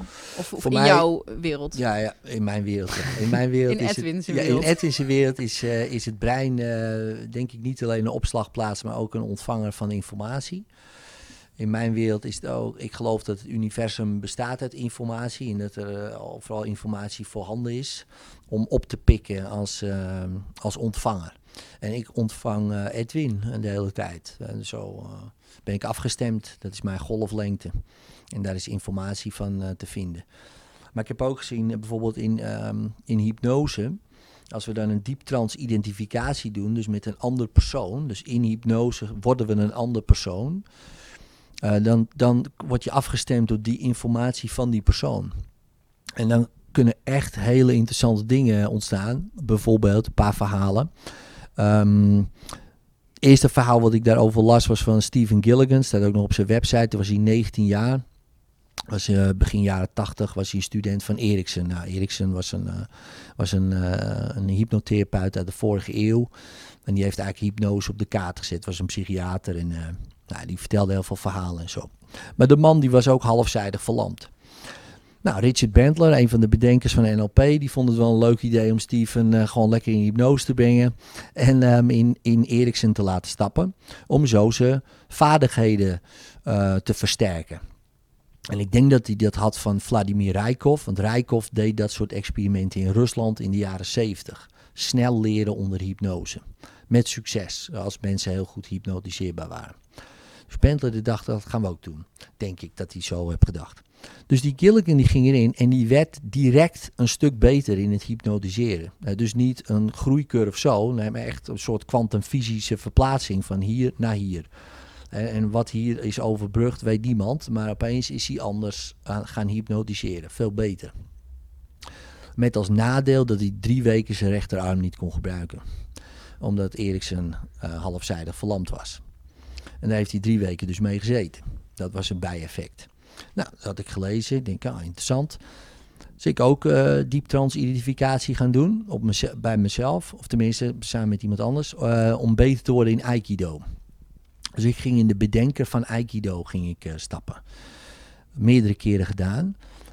Maar soms had ik ook gewoon van die revelaties. Hè. Dan zag ik allemaal beelden en dan zag ik wuivend riet. En ik dacht, oh, daar komen die technieken vandaan, weet je wel. En dan hoorde ik zo van, het is de eik die breekt en het riet dat buigt. En die beweegt mee in de storm van geweld. En dat weet ik het allemaal. Dus ik zat dat zo te vertellen. En, en, die, en die gast die mij hypnotiseerde, is ook Aikido. die zei op het eind, het eruit, heb je dat boek van hem gelezen? Ik zei, nou, ik heb niks gelezen. Hij zegt, nou, er waren passages. Nou, dat was bijna precies hetzelfde als het boek. Toen ben ik dat boekje van hem gaan lezen. Toen dacht ik, fuck, dat was precies wat ik dacht en zag ook. En, maar ook dus voelde. En soms gingen we dan ook meteen trainen. Ja, dan was ik gewoon eh, onoverwinnelijk, dat gevoel. Hè? Want ik denk, ja, ik ben de bedenker. Ja, ik bedoel, ja, komt hij doen, weet je wel, zo. Maar dat was heel gek. Ja, en Eh. dan heb je nog steeds wel de kracht en de souplesse nodig. Want je zit nog Juist, steeds in dit lijf. juist, ja, ja, zeker, bedoel, Je zeker. bent nog steeds onderhevig aan Juist, deze ja, wetten tuurlijk, die tuurlijk. Juist, je kan de beste yogi geloven dat je de beste yogi bent, maar eh, totaal... ben eh, soepel. Juist, weet je wel. Je Ja. komt nog steeds niet in die split of in die bewegingen. En dat is ook zo. Alleen, je leert wel een stuk sneller als je gelooft dat je het kan. En, en dat je ook voelt dat je het bent. Dus ik heb echt heel veel dingen mee- meegepikt. En zo heb ik dus eh, veel sneller mijn zwarte band kunnen halen eh, dan wat gemiddeld daarvoor staat. Dus ik denk twee keer zo snel. Dus, ehm, en heel, heel veel mensen in de Aikido-wereld, als ik dat vertel, die geloven dat niet eens. Dat, dat je zo snel je zwarte band haalt. Maar zeg ja, ook door hypnose. denk je, ah, wel interessant, Ik wilde interessant. toch, en ik ga erop inhaken en ik kan ik durf tegen jou wat te zeggen. Ja. ik denk dat, eh, of dat is de conclusie die ik eraan verbind. Ik denk dat jezelf eh, in een boek vastbijten, dat je zelf daar ook mee, eh, in een soort van hypnose, dat je dan hè, dat, dat meepakt. Ehm, ik moest laatst, uh, kwam er een, nou, niet huilen, maar zo'n emotie die je soms wel hebt als iets je echt heel erg raakt. Ik had een, uh, een, iemand dame verteld van, ja, goh, ik merk, want ik ben nu met Neville bezig. Uh, het boek waar ik nu dan loop ik door het bos, dan ben ik aan het bos aan het mediteren. En ik vertelde, en ik wil tegen haar vertellen van, het lijkt wel alsof ik ik niet meer ben. En nu nog kan ik daar emotioneel van worden. Want het zijn, alle, het zijn allemaal Neville gedachtegoed. Ja, ja, ja. Net als wat jij, dat je dat alsof het bijna wordt gedicteerd en zo. Maar ik heb nog meer inzichten sinds dat boek er is. Ja, ja, ja, ja, ja. Dan denk ik, waar komt dit vandaan? Weet je wel? En wat, dit ben ik niet meer. En ik, of zou ik het challenge noemen? Ik weet het niet. Ik denk dat het ook is van die informatie, alsof je je antenne richt, Ja. doordat je je focust op een bepaalde persoon. Ehm, ik, ja, ik werd daar echt heel erg door dat besef van, "Goh, fuck man. Ik, ik, ik weet niet eens precies waarom. cool maar, toch, Ja, eigenlijk? nee, Ja. het is geweldig. Maar Nou ja, wat ik En zei... als je dat dan doortrekt, denk ik, oh jeetje, inderdaad, wat sta je toch onder invloed van een hoop narigheid op televisie en mensen om je heen, als gewoon een boek lezen al zoveel met me doet. Eh, laat staan als je het maar openzet voor alles en dan niet kritisch bent in wat bij Ja. je binnenkomt. Ja. Nou ja, ik eh, heb heel vaak dat ik bijvoorbeeld, hè, wat ik zei ook in ons voorgesprek, dat ik een podcast inspreek. Kijk, hele goede ideeën. En dan, en dan zeg ik dat in die podcast. En dan denk ik, "Wow, dit is echt een goed idee, weet je wel. En, maar ik denk ook meteen, dat is niet van mij. Precies. Die ideeën zijn ook niet van mij. Dus ik denk, ik moet dat eruit gooien. Want dan krijg ik weer nieuwe ideeën. En want ik, ik ben ook heel vaak in sessies bijvoorbeeld. En dan weten ook wel weinig mensen dat ik dat bijvoorbeeld doe. Maar dan vraag ik van tevoren altijd hulp. Want ik kan het niet alleen. Ik Ja. kan heel goed faciliteren, maar ik kan het niet alleen. Dus ik vraag ook, jongens, help. Dan zeggen ze, tuurlijk, want ze wordt gewoon geholpen. Dat geloof ik eh, in het diepst van mijn zijn, dat je wordt geholpen. En dan word ik dus geholpen om dat zo goed mogelijk te faciliteren. Maar eigenlijk wordt die persoon geholpen met zijn hulpvraag. Ja. En ehm, ja, ik, ik, ik geloof daar heel sterk in, in dat soort dingen. Ook omdat ik dat van kleins af aan al heb meegemaakt. eh, met overleden mensen en dat soort dingen. Nou, ik heb heel veel van dat soort ervaringen wel al gehad. Ik had als hobby vroeger geesten weghalen bij... dat heb eh, ik, eh, bij, bij, ja, ja, bij, ja. Juist, dus dat vonden ze in de bouw altijd wel, altijd wel lachen natuurlijk. Maar goed, eh, dat terzijde. Dus ik, ik vind het ook niet vreemd. Maar, maar door eh, dus daar wil ik je ook voor bedanken, voor die inspiratie, dat ik dat heb gezien. Is dat wel weer getikkerd bij mij ook. Ik denk, ja man. En je kan ze allemaal het, ja. oproepen. En dat, wat vind ik een Grow Rich volgens mij ook dat de hele mastermind concept Ja. was zo van weet je wel, heb een paar mensen, mijn, Ja, mijn man. mentoren, en dat zijn overleden mensen, maar Neville is een mentor en zo zijn er nog meer mentoren die je afhankelijk van, eh, jij hebt je eigen mentoren. Ja, die kan je Ehm, kiezen en dan kan je mee praten. En ik denk ergens ook podcasten. Het is heel raar als je naar de, de foto's kijkt die ik na de afloop met een podcast maak. Eh, ik en de gast lijken altijd op een gekke manier een klein beetje op Hmm. elkaar. Ik denk zelfs dat ik door het podcasten, dat ik een stukje Edwin nu Ja, eh, heb opgepikt. ja en ik Een soort van andersom. Ja, ja. Quick download Edwin. Ja, ja, ja, ja, ja, precies. Ja, maar een soort, je doet toch een soort... Uitwisseling. ehm, ja, uitwisseling, ja. Dat is wel een mooie. Ja, ja zo, zo ook energetisch natuurlijk. En er wordt toch een soort vibe gecreëerd. En, en daarin gebeuren interessante dingen. En als jij op mij afstemt en ik op jou... En opeens kunnen we dezelfde dingen denken of zeggen. Of, oh ja, dat, oh ja, heb, jij dat ook, weet je wel? Mm. En dat vind ik, dat is super mooi. Ja. Maar ook wel interessant om te onderzoeken, wat is dat dan? En ik heb eens een keer, eh, laatst ook eh, een cursist, die ging dan in Eckhart Tolle bijvoorbeeld. En dan ga ik die dan interviewen, net alsof het inderdaad Eckhart is, weet je wel. En die zei dingen, jongen, dat ik dacht... Oh man, ik ben blij dat we dit opnemen. Dan moeten we eens een keer terugkijken. Wat een wijsheid komt er uit die, uit die persoon. Ehm, en het kan zo goed zijn dat het... Dat kan je verschillende Ja, theorieën op heel nalaten. erg hè. rationeel. Tuurlijk. Nee, dat heb je een keer Dat ergens heb je gelezen. Hij heeft dat boek gelezen, Kracht van het. Nu. Ja. Weet je wel, en dat blurt hij eruit en dat heb je perfect geciteerd. Nou, prima. Dat, dat, dat kan ook. Ehm, maar ik denk dat hij werkelijk dat, eh, dat, dat die informatie pakt. En het is ook voelbaar. Je, je voelt ook van, oh wacht even, er gebeurt hier iets als je daar een beetje gevoelig voor bent. En, ehm, en misschien is dat mijn geloof en dat vind ik een heel lekker geloof om te hebben. dus die ja, hou ik ook. precies. En, daar, Ja. en dat is dan weer het mooie. Daar heeft ieder van ons gewoon de eigen vrijheid in. Ja, dat is het leuke, hè? de vrijheid van geloven. Ja. Of niet. Ja, joh. Ja. Hoe ver zitten we? Wat denk je? Ik heb echt geen idee. Ik heb echt geen flauw idee. Nee. Is er, is er nog iets waar je denkt, oh, dat had ik nou heel graag nog even met je willen bespreken? Of, of voor de luisteraar? Of... Ik, ik vergeet heel vaak dat er mensen luisteren. Ehm, nou, wat, wat ik denk wel, wat, wat, wat misschien wel interessant is om, eh, wat is ook mijn geloof, hè, en eh, is dat wanneer kinderen geboren zijn, dat ze tot hun zevende jaar in die staat zijn van hypnose. Ehm, nou ja, geloof, dat is gewoon hun breinactiviteit, is, is nog laag. En dat, dan leren ze ook En veel. zij zijn heel erg in die autosuggestie. Heel open voor suggesties. Ja. Moet ook wel. Want ja, je kan alles wel aan twijfel trekken. Maar dat, dan, dan leer je ook niet zoveel. En op een achtste, zevende, achtste, dan, dan wordt het veranderd. Dan, dan gaan ze wat kritischer eh, eh, nadenken over dingen. En dan zie je ook dat de meeste habits al erin zitten. Dus, en dat repeteren ze voor de rest van hun leven. En als je erover nadenkt, denk je, ja, die ouders zijn dus gewoon hypnotiseurs. En dat weten heel veel mensen niet. En die, en die geven niet alleen suggesties, maar ook die kinderen doen ook als het ware een diep transidentificatie met hun vader en moeder. Dus die zijn hun vader en moeder. En wat gebeurt er dan vaak is dat ze die trauma's kopiëren van hun vader en moeder. En de eerste keer dat ik dat eh, zelf meemaakte of las, was in De Tijger Ontwaakt van eh, Peter Levine. En die had het over, ja, trauma's worden doorgegeven. En toen ging ik daar een beetje op letten. En ook zo vragen stellen aan mijn cliënten. En wat toen, even daarna kwam er een cliënt die zegt van, ja, ja, ik heb wel allemaal angst en ik dacht nog, dat gaat mij nooit gebeuren. Want mijn vader was altijd bang, weet je wel. En die heb ik moeten verzorgen. En ik dacht van, ja man, ik ben hartstikke sterk, weet je wel. Maar het gaat mij nooit gebeuren. Op mijn 21ste kreeg ik opeens last van angsten. Oh ja, ik zeg, leeft je vader nog? Ja. Moet je vragen wanneer hij last kreeg van angsten. 21. En toen dacht ik, interessant. En waarschijnlijk daarvoor voelde hij zich natuurlijk ook sterk.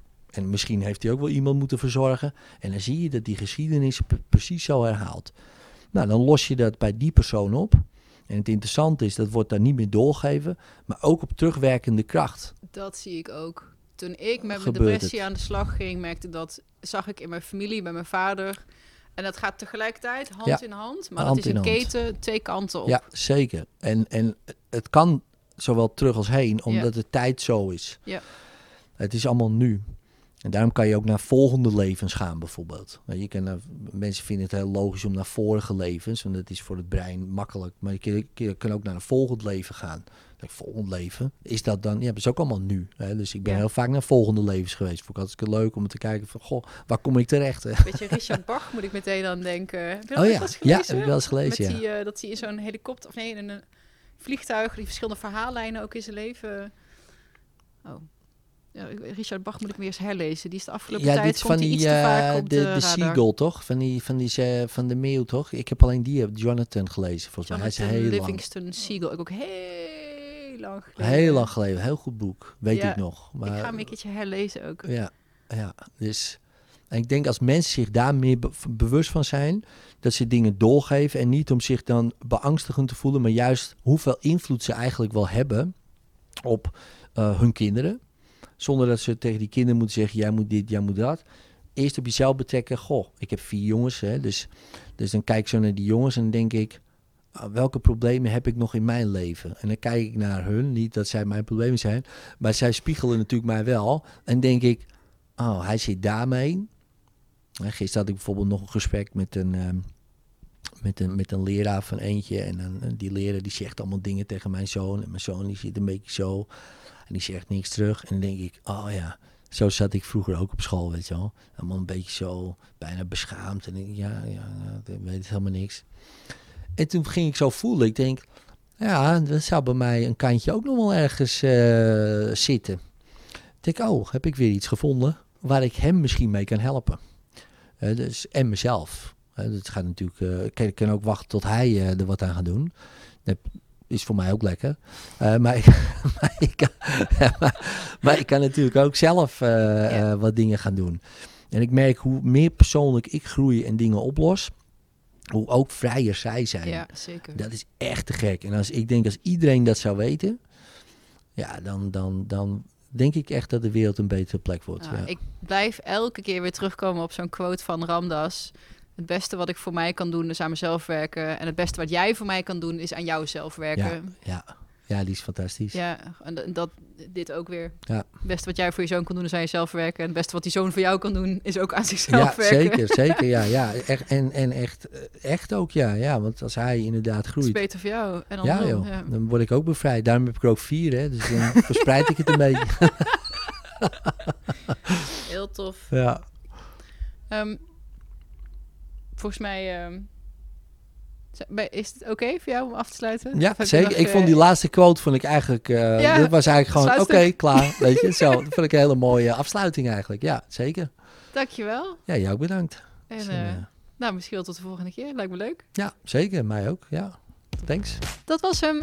Dankjewel voor het luisteren. En je bent tot het einde gekomen, dus ik hoop dat je hier waardevolle inspiratie uit hebt gehaald. En als dat zo is, eh, voel je vrij om bijvoorbeeld een eh, screenshotje te delen of in je Instagram stories of mij een berichtje te sturen.